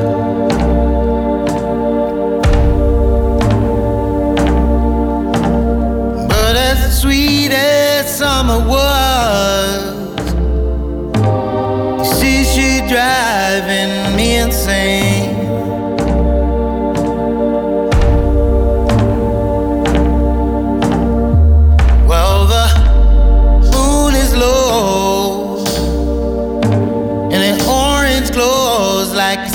fame.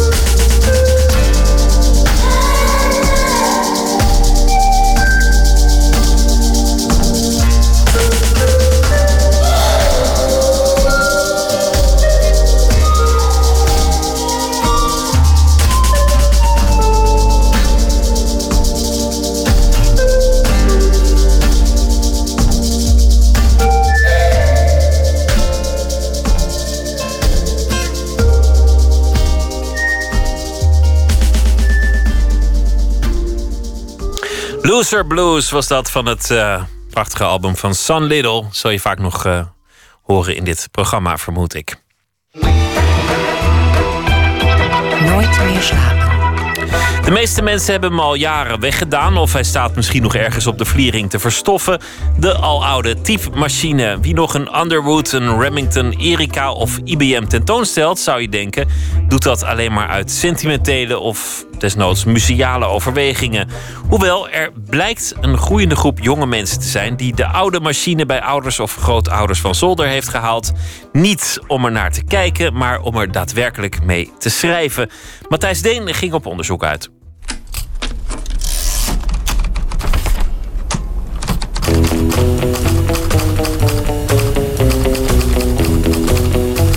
En toen waren er opeens boeken over schrijfmachines. Zijn Amerikaanse boeken. Eh, De typewriter, vol met plaatjes van schrijfmachines, lettertypes, toetsen. En posters waarop tevreden typistes met hun bureau en hun machine. Of de Typewriter Revolution, over de schrijfmachine-revolutie die kennelijk al gaande is in zekere kringen. De revolutionairen zijn mensen die handelen naar de Typewriter Manifesto. En dat is een strijdbaar pleidooi tegen de computer en voor de schrijfmachine. Tegen de stroom in, los van het web, zelfstandig, zelfredzaam. Niks virtueels, maar echt. En ik begon opeens te verlangen naar de schrijfmachine waarop ik zelf begonnen ben ooit verhaaltjes te schrijven. Hij stond bij ons thuis natuurlijk. Hij was niet groot. Het was een koffermodel, een Erika. Hij was groen. De deksel van de koffer kon los, de bodem niet. En die schrijfmachine was zonder aanwijsbare reden van mijn vader. Net als de diaprojector en het fototoestel. Ik belde mijn moeder. Ik vroeg, die typemachine van papa, is die er nog? Nee, die hebben we niet meer. Die is eh, naar Afrika gegaan. Afrika? Ja, Vanuit het idee van die gebruiken we toch niet meer. nee. We dachten dan is hij nog nuttig. Kan je nog herinneren dat papa hem gekocht heeft trouwens? Is hem gekocht tijdens ons huwelijk. Waar gebruikte hij hem dan voor? Sinterklaas gedichten onder andere.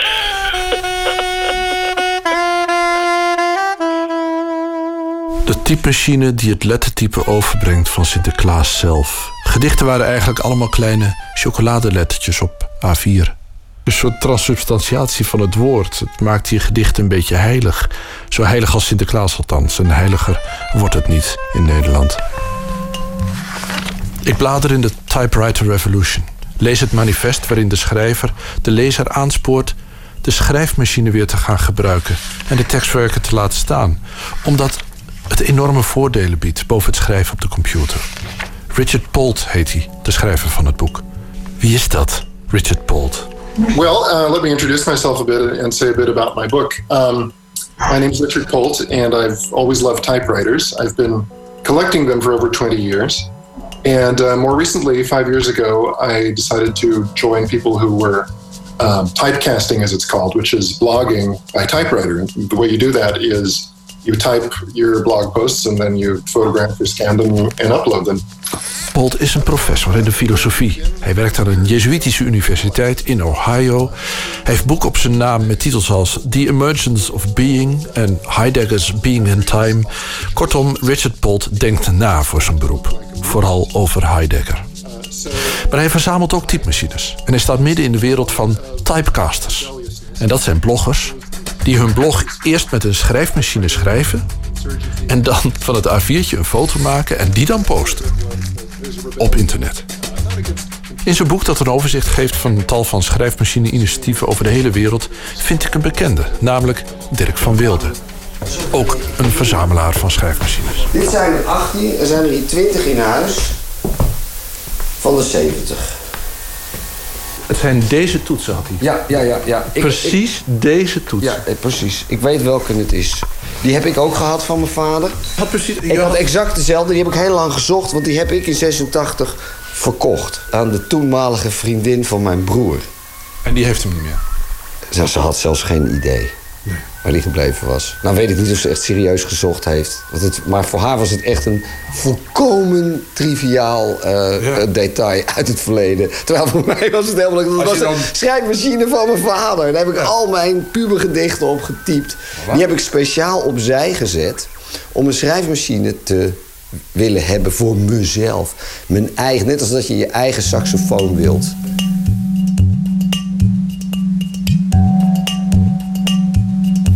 Maar wat ik het allermooiste aan schrijfmachines heb gevonden altijd... en dat vond ik toen al... eh, dat... Kijk, ik gebruikte hem in het begin alleen om iets wat ik al met de hand had geschreven...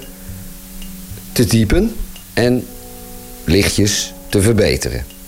Maar er kwam een moment dat ik vond... ik moet, als ik enige...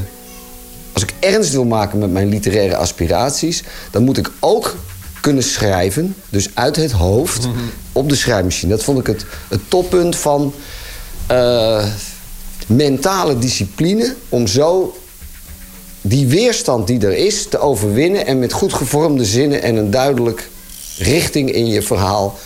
de machine te kunnen bedienen.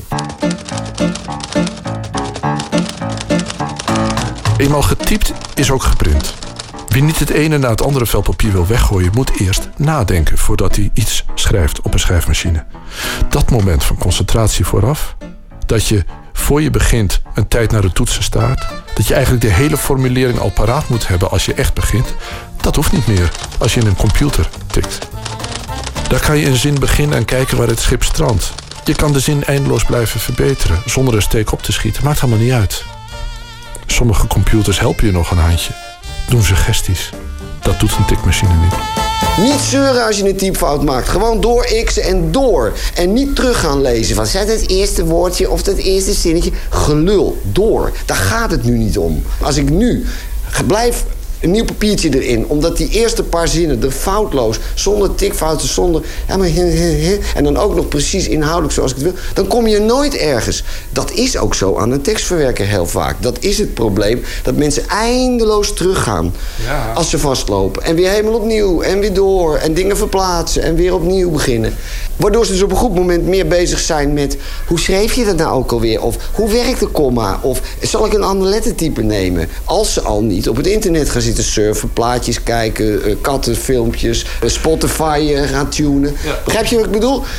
Dat alle tekst er eenmaal op het papier gehamerd moest staan als de heipalen van een bunker, kon natuurlijk verlammend werken op het schrijven.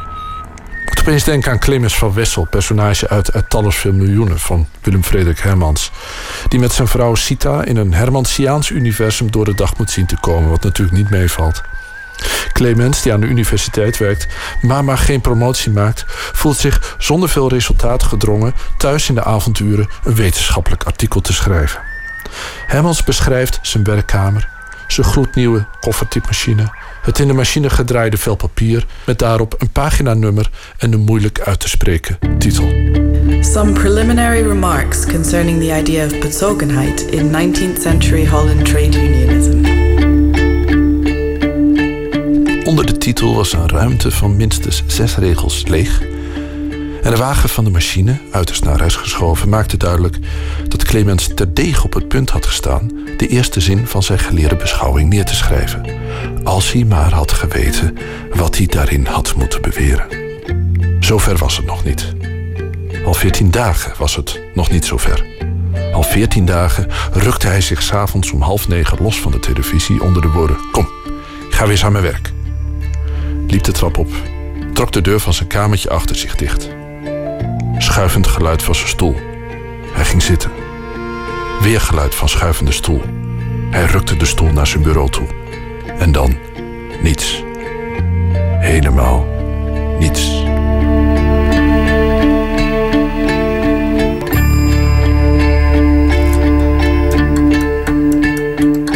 In the age of instant global information, using a typewriter is an act of rebellion. Against what? In the name of what? Ultimately, that's for you to type. The insurgency has no leader and no dogma. Typewriter has endless possibilities like language itself. Terug naar Richard Polt, de schrijver van de Typewriter Revolution. Dat als er computers voorhanden zijn, mensen toch uit vrije wil de typemachine weer opzoeken. En dus met de machine alleen willen zijn in afzondering van de virtuele wereld, alleen met het lage lamplicht en de eigen concentratie. Dat noemt hij een daad van rebellie, van opstand. Dat is wat hij noemt de Typewriter Revolution. Zijn manifest is in filosofische termen gesteld en daarom niet makkelijk te vertalen.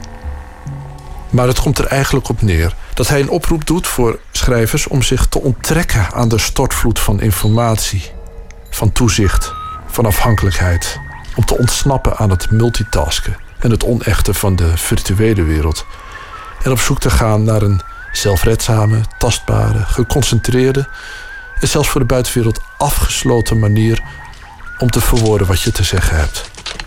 Met de typemachine dus. Dat dat een beeld is dat nog steeds aantrekkingskracht heeft, blijkt wel uit die laatste scène van de film On the Road, waarin de hoofdpersoon, laten we zeggen Jack Kerouac, na het hele land doorkruist te hebben, toch alleen is met zijn Underwood schrijfmachine.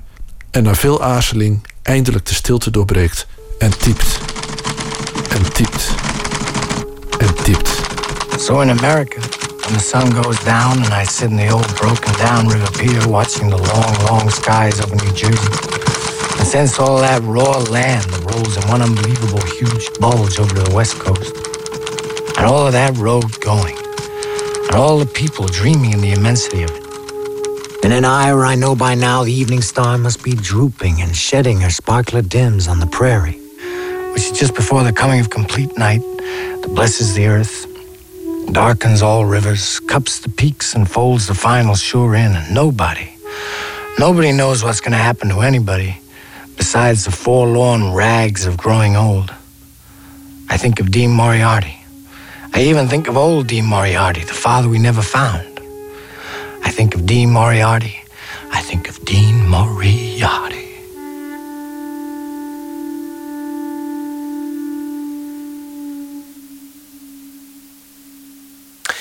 The Typewriter Revolution, geschreven door eh, Richard Polt. En eh, u kunt hem vinden als u zoekt op Classic Typewriter Page.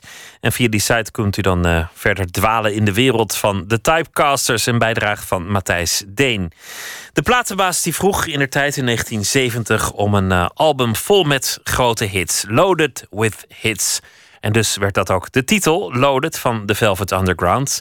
Er komt nu een uh, nieuwe versie, iets uitgebreider, 45 jaar later. Reloaded is daarvan de titel met uh, nou ja, nieuwe versies van oude nummers en weggegooide takes en allemaal dat soort dingen. Natuurlijk uh, puur voor het geld, maar als het een excuus is om The Velvet Underground te draaien, vooruit. Hier is Ride Into the Sun.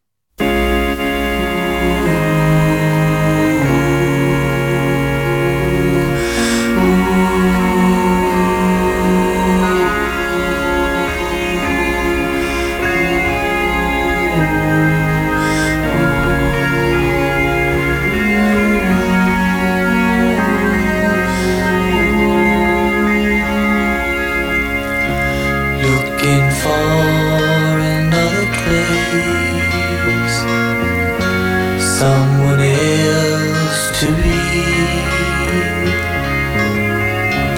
Looking for another chance to ride in the sun. Right into the sun. Right into the sun.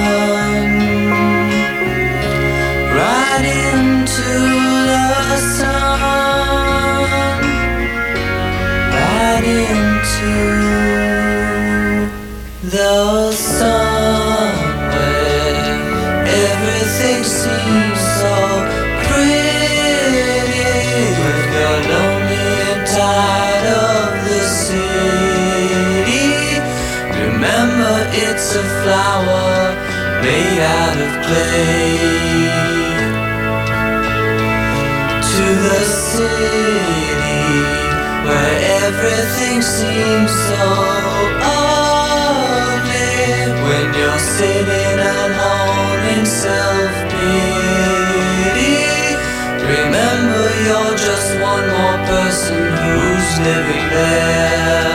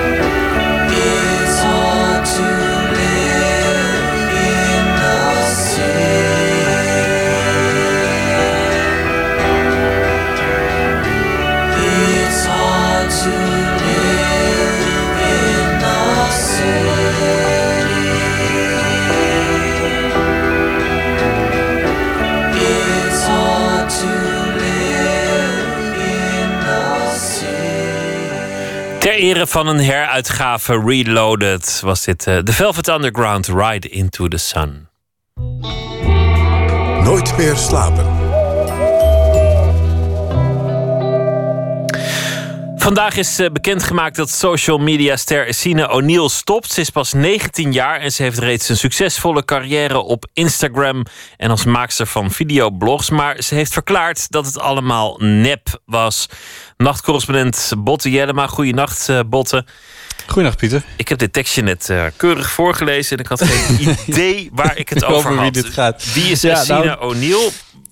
Wat heb je zijn- als je een succesvolle carrière hebt op Instagram? Praat me even bij.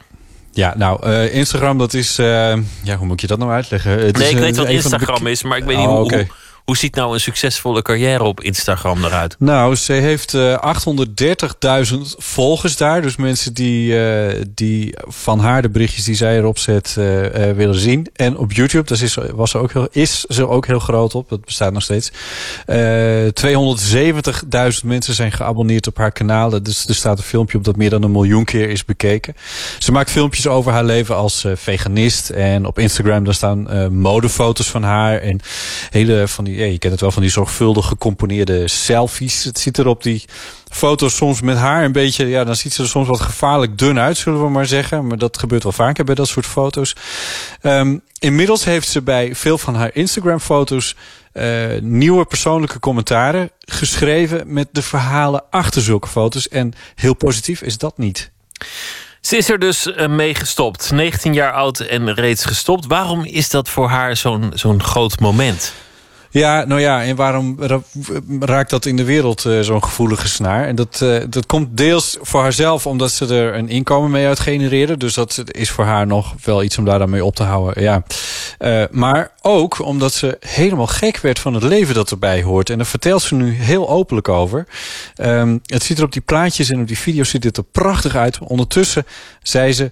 was ze alleen maar bezig met de likes en eh, hoe vaak haar video's werden bekeken en hoeveel volgers ze er nu eigenlijk weer bij had. En ze was, zoals ze zelf zegt, de hele dag bezig om zichzelf nog leuker te maken voor de wereld. Luister maar eventjes hoe ze het in een video uitlegt.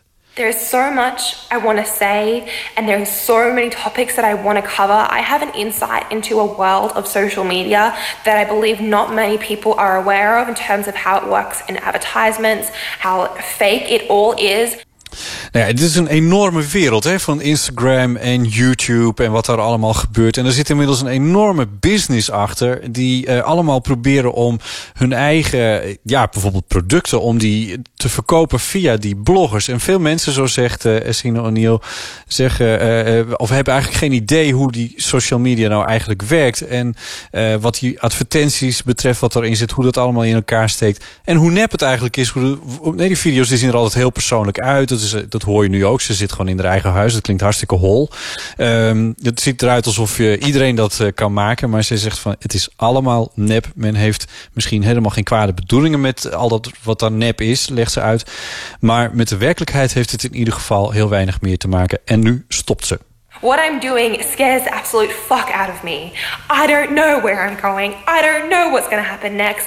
I have no idea how I'm going to make money. And yeah, last night I got really, really scared because I was like, holy shit, I have all these messages, but how are people going to hear them? But then I reminded myself very clearly why I'm doing this. Ze heeft geen flauw idee wat ze nu moet gaan doen of waar ze geld mee moet gaan verdienen. Maar ze weet zeker dat ze wil stoppen. En als ze daar angstig van wordt van het idee, dan zegt ze, en herinner ik mezelf even aan waarom ik wil stoppen. Want het leek misschien alsof ik een droomleven had, dat zoveel mensen haar daarom ook volgden. Maar I did everything in my power to prove to the world that, hey, I'm important, I'm beautiful, and I'm cool. But is making your whole day proving to everyone else that you're amazing, is that what, is that life? Proving yourself online? ja, het draait daar het leven om, om een andere te bewijzen dat je fantastisch bent, vraagt Essine zich af. Nou, dat is een retorische vraag, want ze wil het niet meer.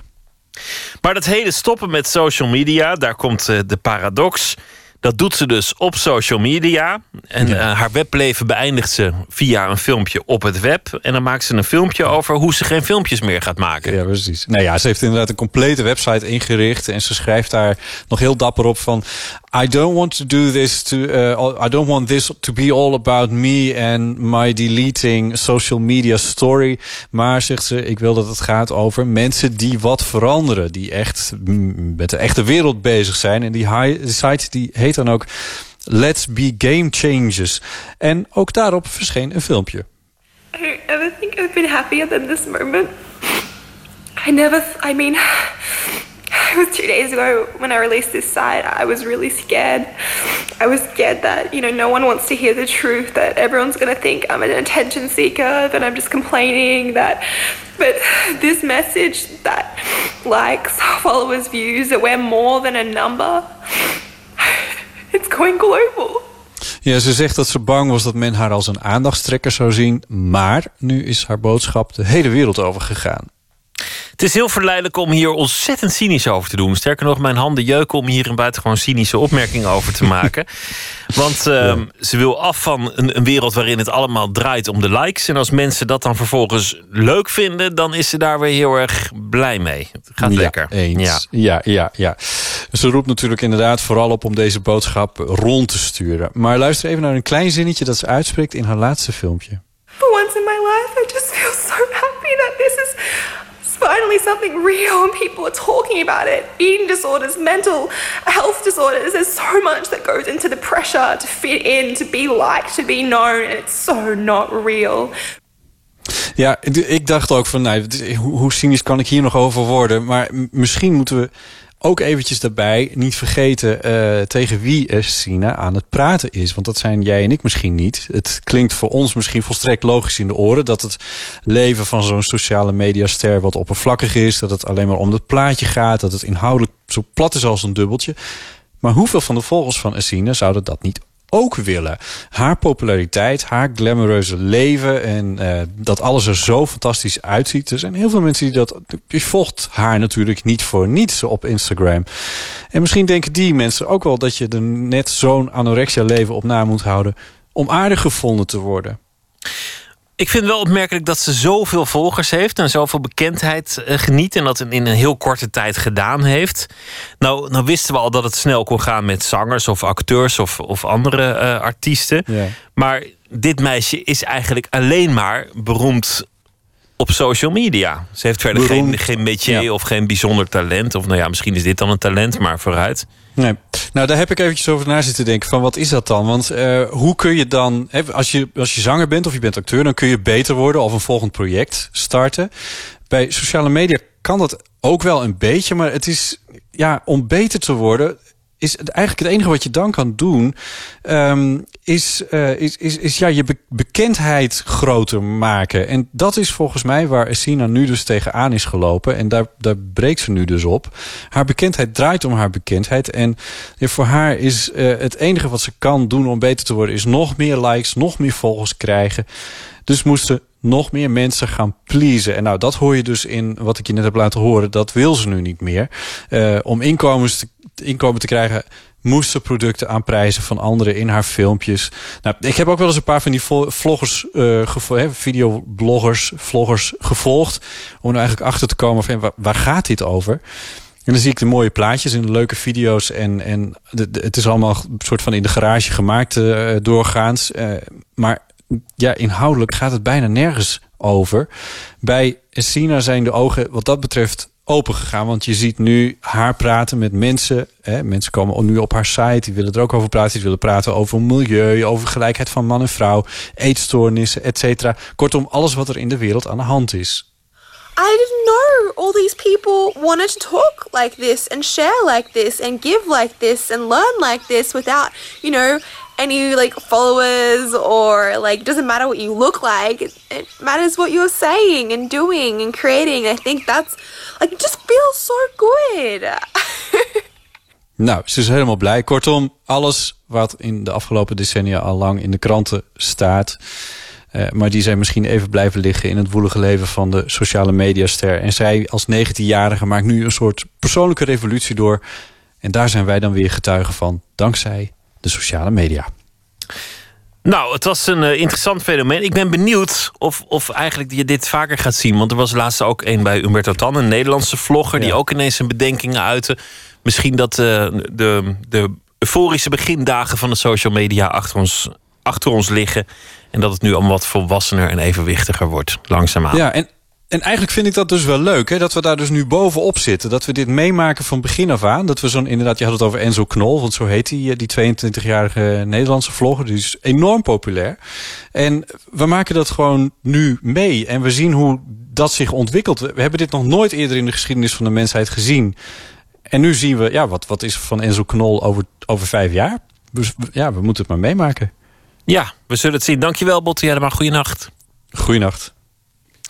Hij werd eh, een legende dankzij grote hits als Lean on Me, Ain't No Sunshine en eh, zo nog een paar. Een eh, veel nagedane artiest. Het gaat over Bill Withers. En dit nummer was ook van hem iets minder bekend, maar even fraai, In My Heart.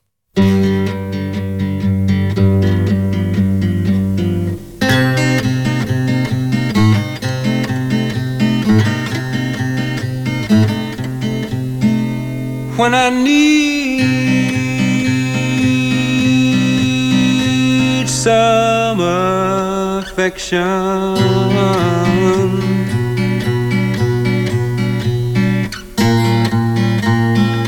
You're not there, I close my eyes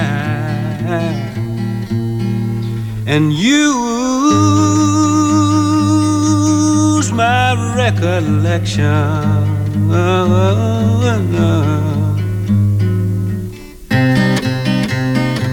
And in one moment,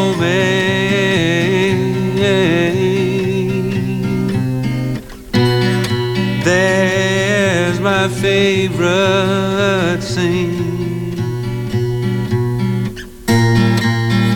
taken from the place where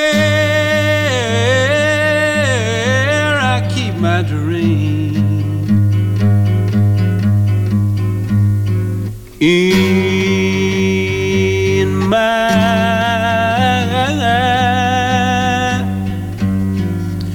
heart,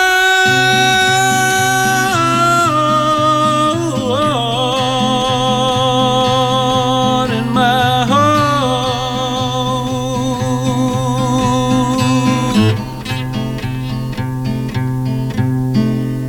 It's a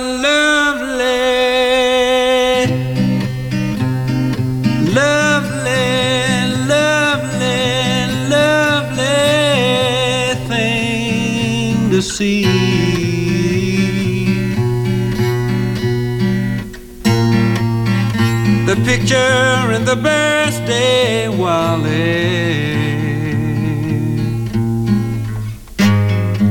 that you gave to me. But a man can lose a photograph.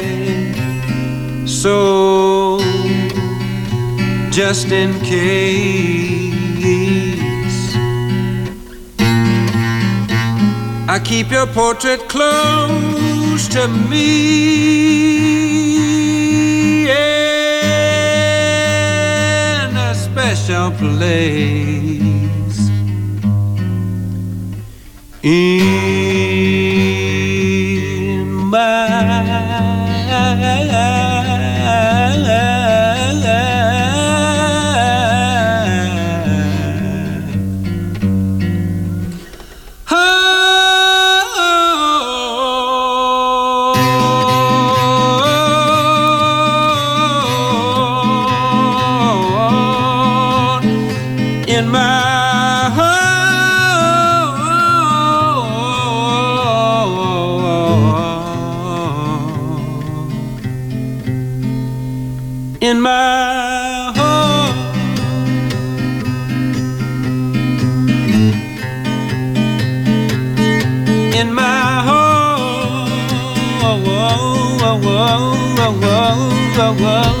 heart, in my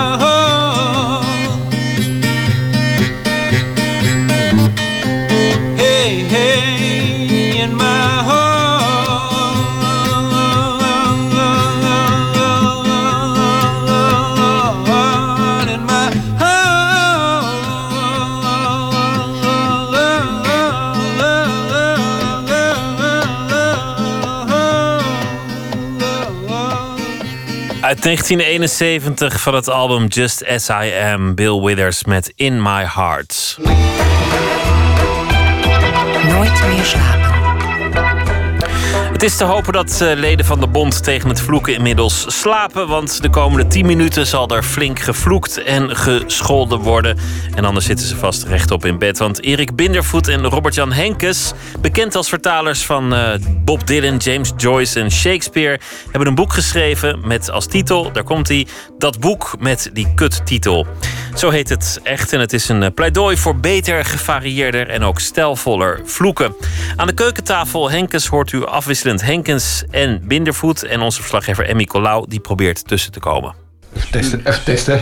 Smurriedopper, nest bevuilen, beetje homo-water, muggenziften, smicht, patsen, kutwijf. Was niet persoonlijk bedoeld, hè? Het is, het is allemaal niet persoonlijk Het is nooit persoonlijk bedoeld. Dus Als, wij, als het maar aankomt. Slijmerige, milieuvervuilende klootviool. Ben je klaar? Heethoofdig, onbehouden duiveneitje van me. Met jou kom ik nooit klaar, impotent achterbaks uit de heg getrokken st- st- st- stotteraadje. Ik kan met jou ook nog wel even doorgaan, brutaal duizeldraaiend. Ja, hapschaartje. kijken het wel, het, eh, het hele schelden en vloeken fenomeen vanuit een soort hoger standpunt. Dat het niet... An- antropologisch standpunt. Het is een antropologisch verantwoord scheldwoordenboek. Maar het is niet echt een woordenboek, hè? laten we dat ook vooropstellen.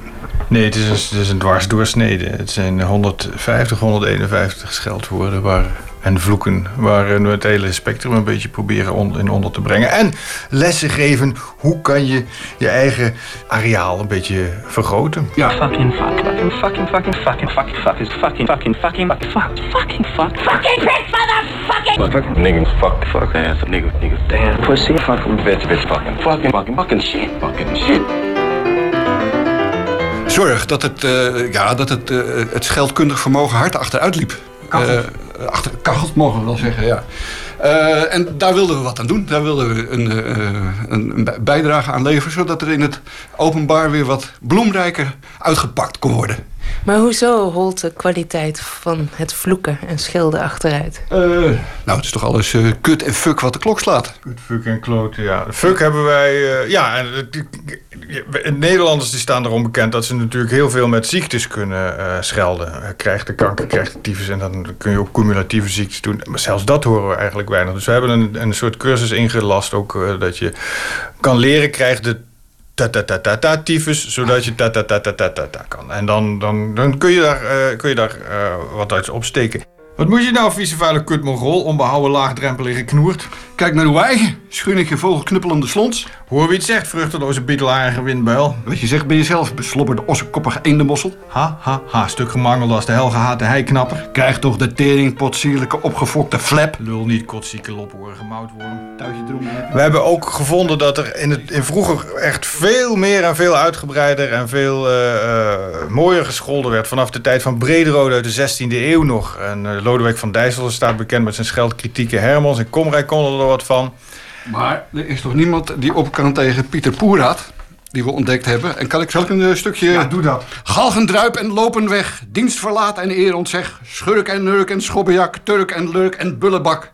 Work en stork en wesp en viel, hork en pork en spinnenwiel. Vlok en stok en boevenspil, gomoriste likkebil. Schijventrek en diefse valk, duizend fret en beurzenschalk. Poeraat, het is een, een, een, een polemist. eh, een, een, eh, Nee, het was eigenlijk een dominee. En hij, hij werd, hij werd eh, eh, op de huid gezeten door Jacob, Jacob Campo Weijerman. En dat, eh, dat was, die stond bekend als een groot scheldkanon. En die had het op een gegeven moment voorzien, voorzien op die Poeraat. Toen heeft die Poeraat heeft teruggescholden met werkelijk de mooiste scheldkolonnade die er ooit in het Nederlands is geweest. En daarna was die Weijerman helemaal stil. En wij dachten, nou, we moeten iets van Weijerman hebben. Maar die, toen we op die Poeraat stuiten, dachten we, nou, dit, dit, moet, dit moet aan de vergetelheid ontrukt worden. Jullie pleiten zelfs voor een poerraadstraat. Ja, er is ook een Jacob Campo Weijermanstraat. Eh, en de- dat, dat verdient hij wel. Edels assenpot, eigen wijsheid, schot en lot, harsenloze hassabas. Dollerik met kris en kras, drommel, kopstuk zonder oor, schulds of onschulds, wangehoor. Toetij, aanval op elksbaf, almans vragen. Is dit niet laf? En dat gaat nog En het enige wat je daarop kan zeggen, ik zeg toch sorry. zoveel bladzijden door. En het enige wat je daarop kan zeggen, ik zeg toch sorry. Neem me niet kwalijk. Natuurlijk een, een- nog maar een voorlopige aanzet. We hopen op heel veel eh, scheldbrieven... waarin dan staat, zeg, stelletje zakkenwassers, nitwits, oenen. Hoe, komt er, hoe komen jullie erbij om dit te vergeten? Uit het wielercircuit zijn we al vergeten. Hangjas en... eh, Vetprop. Vet, vetprop. Vet lul staat er wel in, vetprop dan weer niet. Maar hangjas is iemand die op een irritante manier in iemand anders zijn wiel hangt. En ongetwijfeld hebben, hebben jullie bij de radio ook allemaal eigen termen... om elkaar eh, zwart dan wel wit te maken. Nee, wij zijn heel netjes ja, bij de radio. Wordt daar niet, wordt daar niet gevloekt? Ah, dan, dan moet je echt oppassen, hè, want daar gaat het boek natuurlijk ook over. Hè, om de dingen die verborgen blijven onder de oppervlakte. Als het eruit komt en even gelucht kan worden. eh het is geen haat die zo stinkt als de haat die niet gelucht wordt. Hè. Dat is ook een van de wijze uitspraken uit dit boek. En een man, een man die vloekt is een eerlijk man. En ga je dan godverdomme niet zien dat wij aan het werk zijn, verrekte mongol! Ja joh, kut! Goddamn fucking shit, motherfucking fucking shit, fucking shit, shit, fucking fucking nigga, shit, fuck shit. Maar het is, er staat ook een verhaal in, inderdaad eh, uit, eh, uit de Tweede Wereldoorlog. Als de kapitein dan zei, eh, get your fucking rifles. Dan was iedereen vrij relaxed en eh, dacht, het werd voortdurend werd er gefuckt en weet ik wat allemaal als er doorheen gegooid. Maar als de kapitein zei, get your rifles, dan, was, dan schrok iedereen, want dan was het menens. Dan was, dan was er echt wat aan de hand. Dus eh, dat, dat schelden kan ook op een zekere manier alles een beetje verzachten. Juist. We hebben uitgevonden dat bij schelden is de factor tijd van groot belang. Dus eh, dat geeft je de tijd om even weg te komen. Maar wat hier ook, het, het helpt ook als je ergens om kan lachen. Laten we daar ook geen doekjes om winnen. Als je dat eenmaal hebt, dan is de, de angel er toch wel uit. En dus, we- daar hebben we toch ook wel een beetje op gelet. Ja, nee, inderdaad. En we hebben ook, bij schelden gaat het er ook om vooral en, eh, dat je altijd de eerste bent, zodat inderdaad de ander, eh, de ander moet terugschelden. En meestal met iets wat, wat dan, dan wordt aangegeven al. Iedereen heeft zo, zo'n eh, mooie ervaring uit zijn jeugd natuurlijk, dat iemand hem uitscheldt. Of misschien zelfs dat hij wel iemand anders uitscheldt, maar ik, meestal is het andersom. Zoals ik, toen ik heel klein was en ik had mijn brilletje en met mijn blonde haar, werd ik door een telg van de familie Slaats op de Molenstraat, werd ik uitgescholden voor schele witbol. En, en dat was hoe? ik was een schele witbol, maar die jongen die dat deed, die had een enorme dikke bril met, met een afgeplakte oog. En zijn haren waren ook niet helemaal zwart. Dus ik zat daar te kijken en ik moest eigenlijk wel lachen. En eh, nou, pas, toen ben ik toch wel weggelopen, want ze waren een beetje wel een gevaarlijke familie. En eh, pas achteraf dacht ik, eh, wat ik had terug moeten zeggen, kijk naar uw eigen. Ja.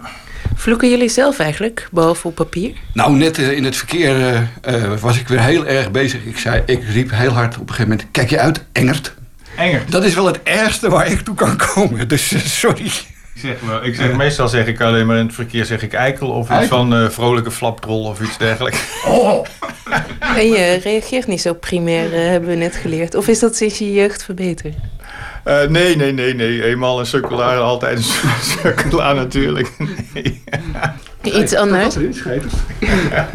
Lafberg staat erin. Ja, Lafberg. Ja, ja. Natuurlijk ook eh, neger, geitenneuker en al die, al die dingen die nu zo vreselijk Nou taboeiserend eh, werken. het Zwarte popula- Piet. Het populairste scheldwoord op de middelbare school is homo, hè, geloof Ja. ik. Dat, dat vind ik ook vrij schokkend. Ja. Na de seksuele bevrijding van de jaren zeventig, dat daar... Ja, nou ja, goed. Met, in, in Amsterdam gaat het toch, is het niet heel erg. Want ik ben in mijn eigen straat voor hetero uitgescholden. Ja. Het moet niet veel gekker worden. Nee, door de homo hier van twee ogen tegenover. Ehm, eh, als ik er nog tussen kan komen. Ik betrapte mezelf tijdens het lezen van het boek erop toch hoe, hoe diep dat, dat zit. Dat je Mhm. dus niet mag vloeken. Dat Ja. je dat, dat echt, dat is helemaal geïnternaliseerd. En Ja, dat ik- ik al bijna niet hard op de titel van jullie boek. Dat boek met die kuttitel, dat voelt echt heel slecht om dat zo hard Die te nog, zeggen. die is nog tot daar aan toe, maar de ondertitel is pas echt erg. hè. Eh, Het, de ondertitel is kankerhomo's, moederneukers en andere teringleiers. dat- die vind ik eigenlijk nog veel erger. Maar goed. eh, Die, nou, maar dat, dat is niet helemaal waar, want eh, da- daar zit een element van humor in, ja, Erik. en, en, en- en dan kom je overal mee weg zeker, hè? Als je erom kan lachen. Nou, ik kan er niet op lachen, meneer. Satire, Zei ik meneer. Het is een satire, satire. Maar jij hebt moeite om dat hardop te zeggen. Ja, ja, ja. Nou ja, ik, ik heb dat. Ik, weet- ik, ben- ik ben ook netjes opgevoed. Ik, wij, wij scholden no- nooit eh, thuis. Ik heb, eh, eh, nou dat staat er ook in, hoe, hoe ik het woord smicht heb leren kennen. Dat stond in een, in een stripverhaal. Dus ik wist niet wat het was. Dus ik ben naar mijn vader gaan. Ik zeg smicht tegen hem. En toen werd hij dus verschrikkelijk boos. Zo heb ik dus leren schelden. En, eh, en, en het ook meteen afgeleerd. Daarna heb ik nooit meer smicht gezegd. Tot ik het in dit boek heb eh, kunnen verwerken. De Bond tegen Vloeken. Zegt u dat wat? Religie speelt niet meer zo'n grote rol heden ten dagen. Maar waarom is dat toch zo diep geworteld? Dat gevoel van dat je dat niet mag. Het begint waarschijnlijk heel, heel jong. Want het, het raar is dus bij demente bejaarden, komt het dan, of de dementen, komt dat weer boven.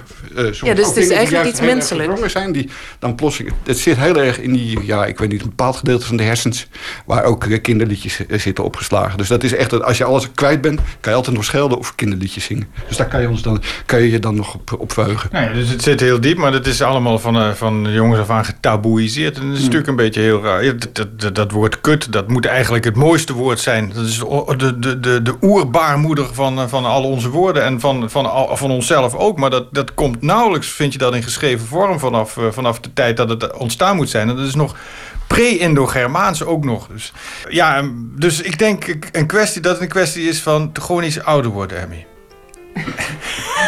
Dan, kom ik er vanzelf overheen, over die schaamte. Impertinente, dwaasgeboren purkwast. Nee, jij bent een lekkere lompelzwijner in gepuiste knop. Maar daar ben ik morgen vanaf. Laffe afgelikte boterham met knopkaas. Morgen brengen schimpscheutende loslippige halve zolenbeffen. Ook gaan we zo beginnen. Atonale ingewanden schrokkende harpij. Je moeder zal je bedoelen, stinkende ui ogenstuk nietswaardigheid. Dan weet ik er ook nog wel een. Verlopen in stront geboren pompoen. Oh ja, oh ja, onwelriekend van pluimen geplukt schoelie. Oh, jij durft, die durft. Foppend verschrompeld wit vlamwiekje. Houd toch eindelijk eens een keer je vieze vuile stinkbek. Het was weer eh, gezellig bij Bindervoet en Robert-Jan Henkes. Dat boek met die kuttitel is verschenen bij Prometheus. Een bijdrage van Emmy Colau. Depression Cherry is eh, de titel van het album eh, van het duo Beach House. En wij gaan luisteren naar het nummer daarvan met de titel Somewhere Tonight.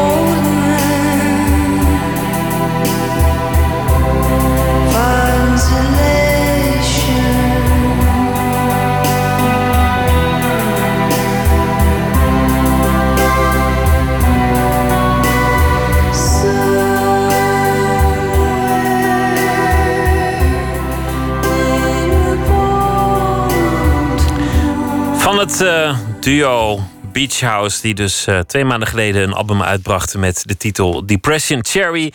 En nu is er ineens alweer een nieuwe plaat. En eh, net zo goed, dat was dus dit nummer Somewhere Tonight van dat album.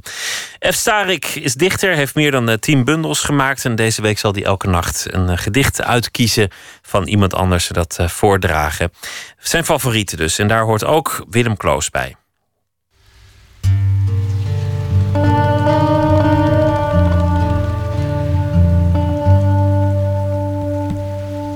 Willem Kloos. Een van de beroemdste dichters uit ons taalgebied. Evengoed eh, ontzettend vergeten. De, het gedicht wat ik ga voorlezen komt uit een ongelooflijk vies, eh, oud antiquarisch boek. Ik heb het ook al heel veel jaren. Eh, mijn opleiding in de poëzie bestaat eigenlijk eruit dat we ooit een band hebben gehad. Willem Kloosgroep, waarin we harde muziek op tekst van dode dichters eh, voordroegen. En een van de teksten daarvan was eh, een titeloos gedicht. Eh, dat gaat als volgt. Dit gans geslacht is een verdoemenis geweest van leugenachtige en belagbare mensen. Die zichzelf vuilijk te genieten wensen. En in de grond niets zijn dan een puur beest zijn beesten. Beesten die de pure geest verloochnen, dodend loochnen. Maar ik ben ze de baas en zal ook tegen hen zijn als een beest.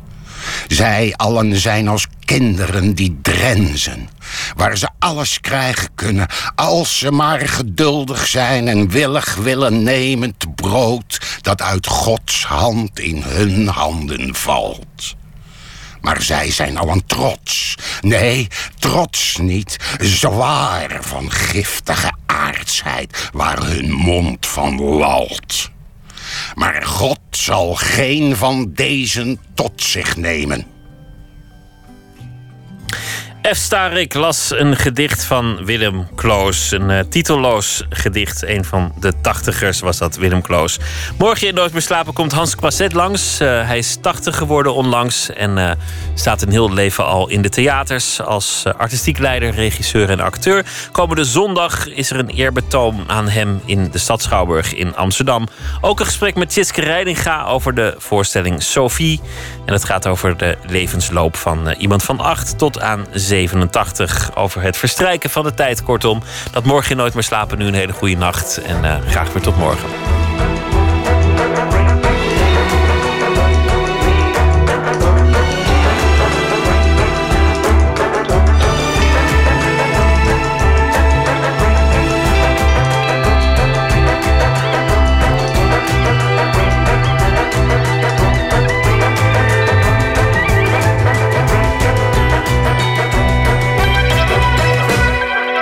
Radio 1, het nieuws van alle kanten.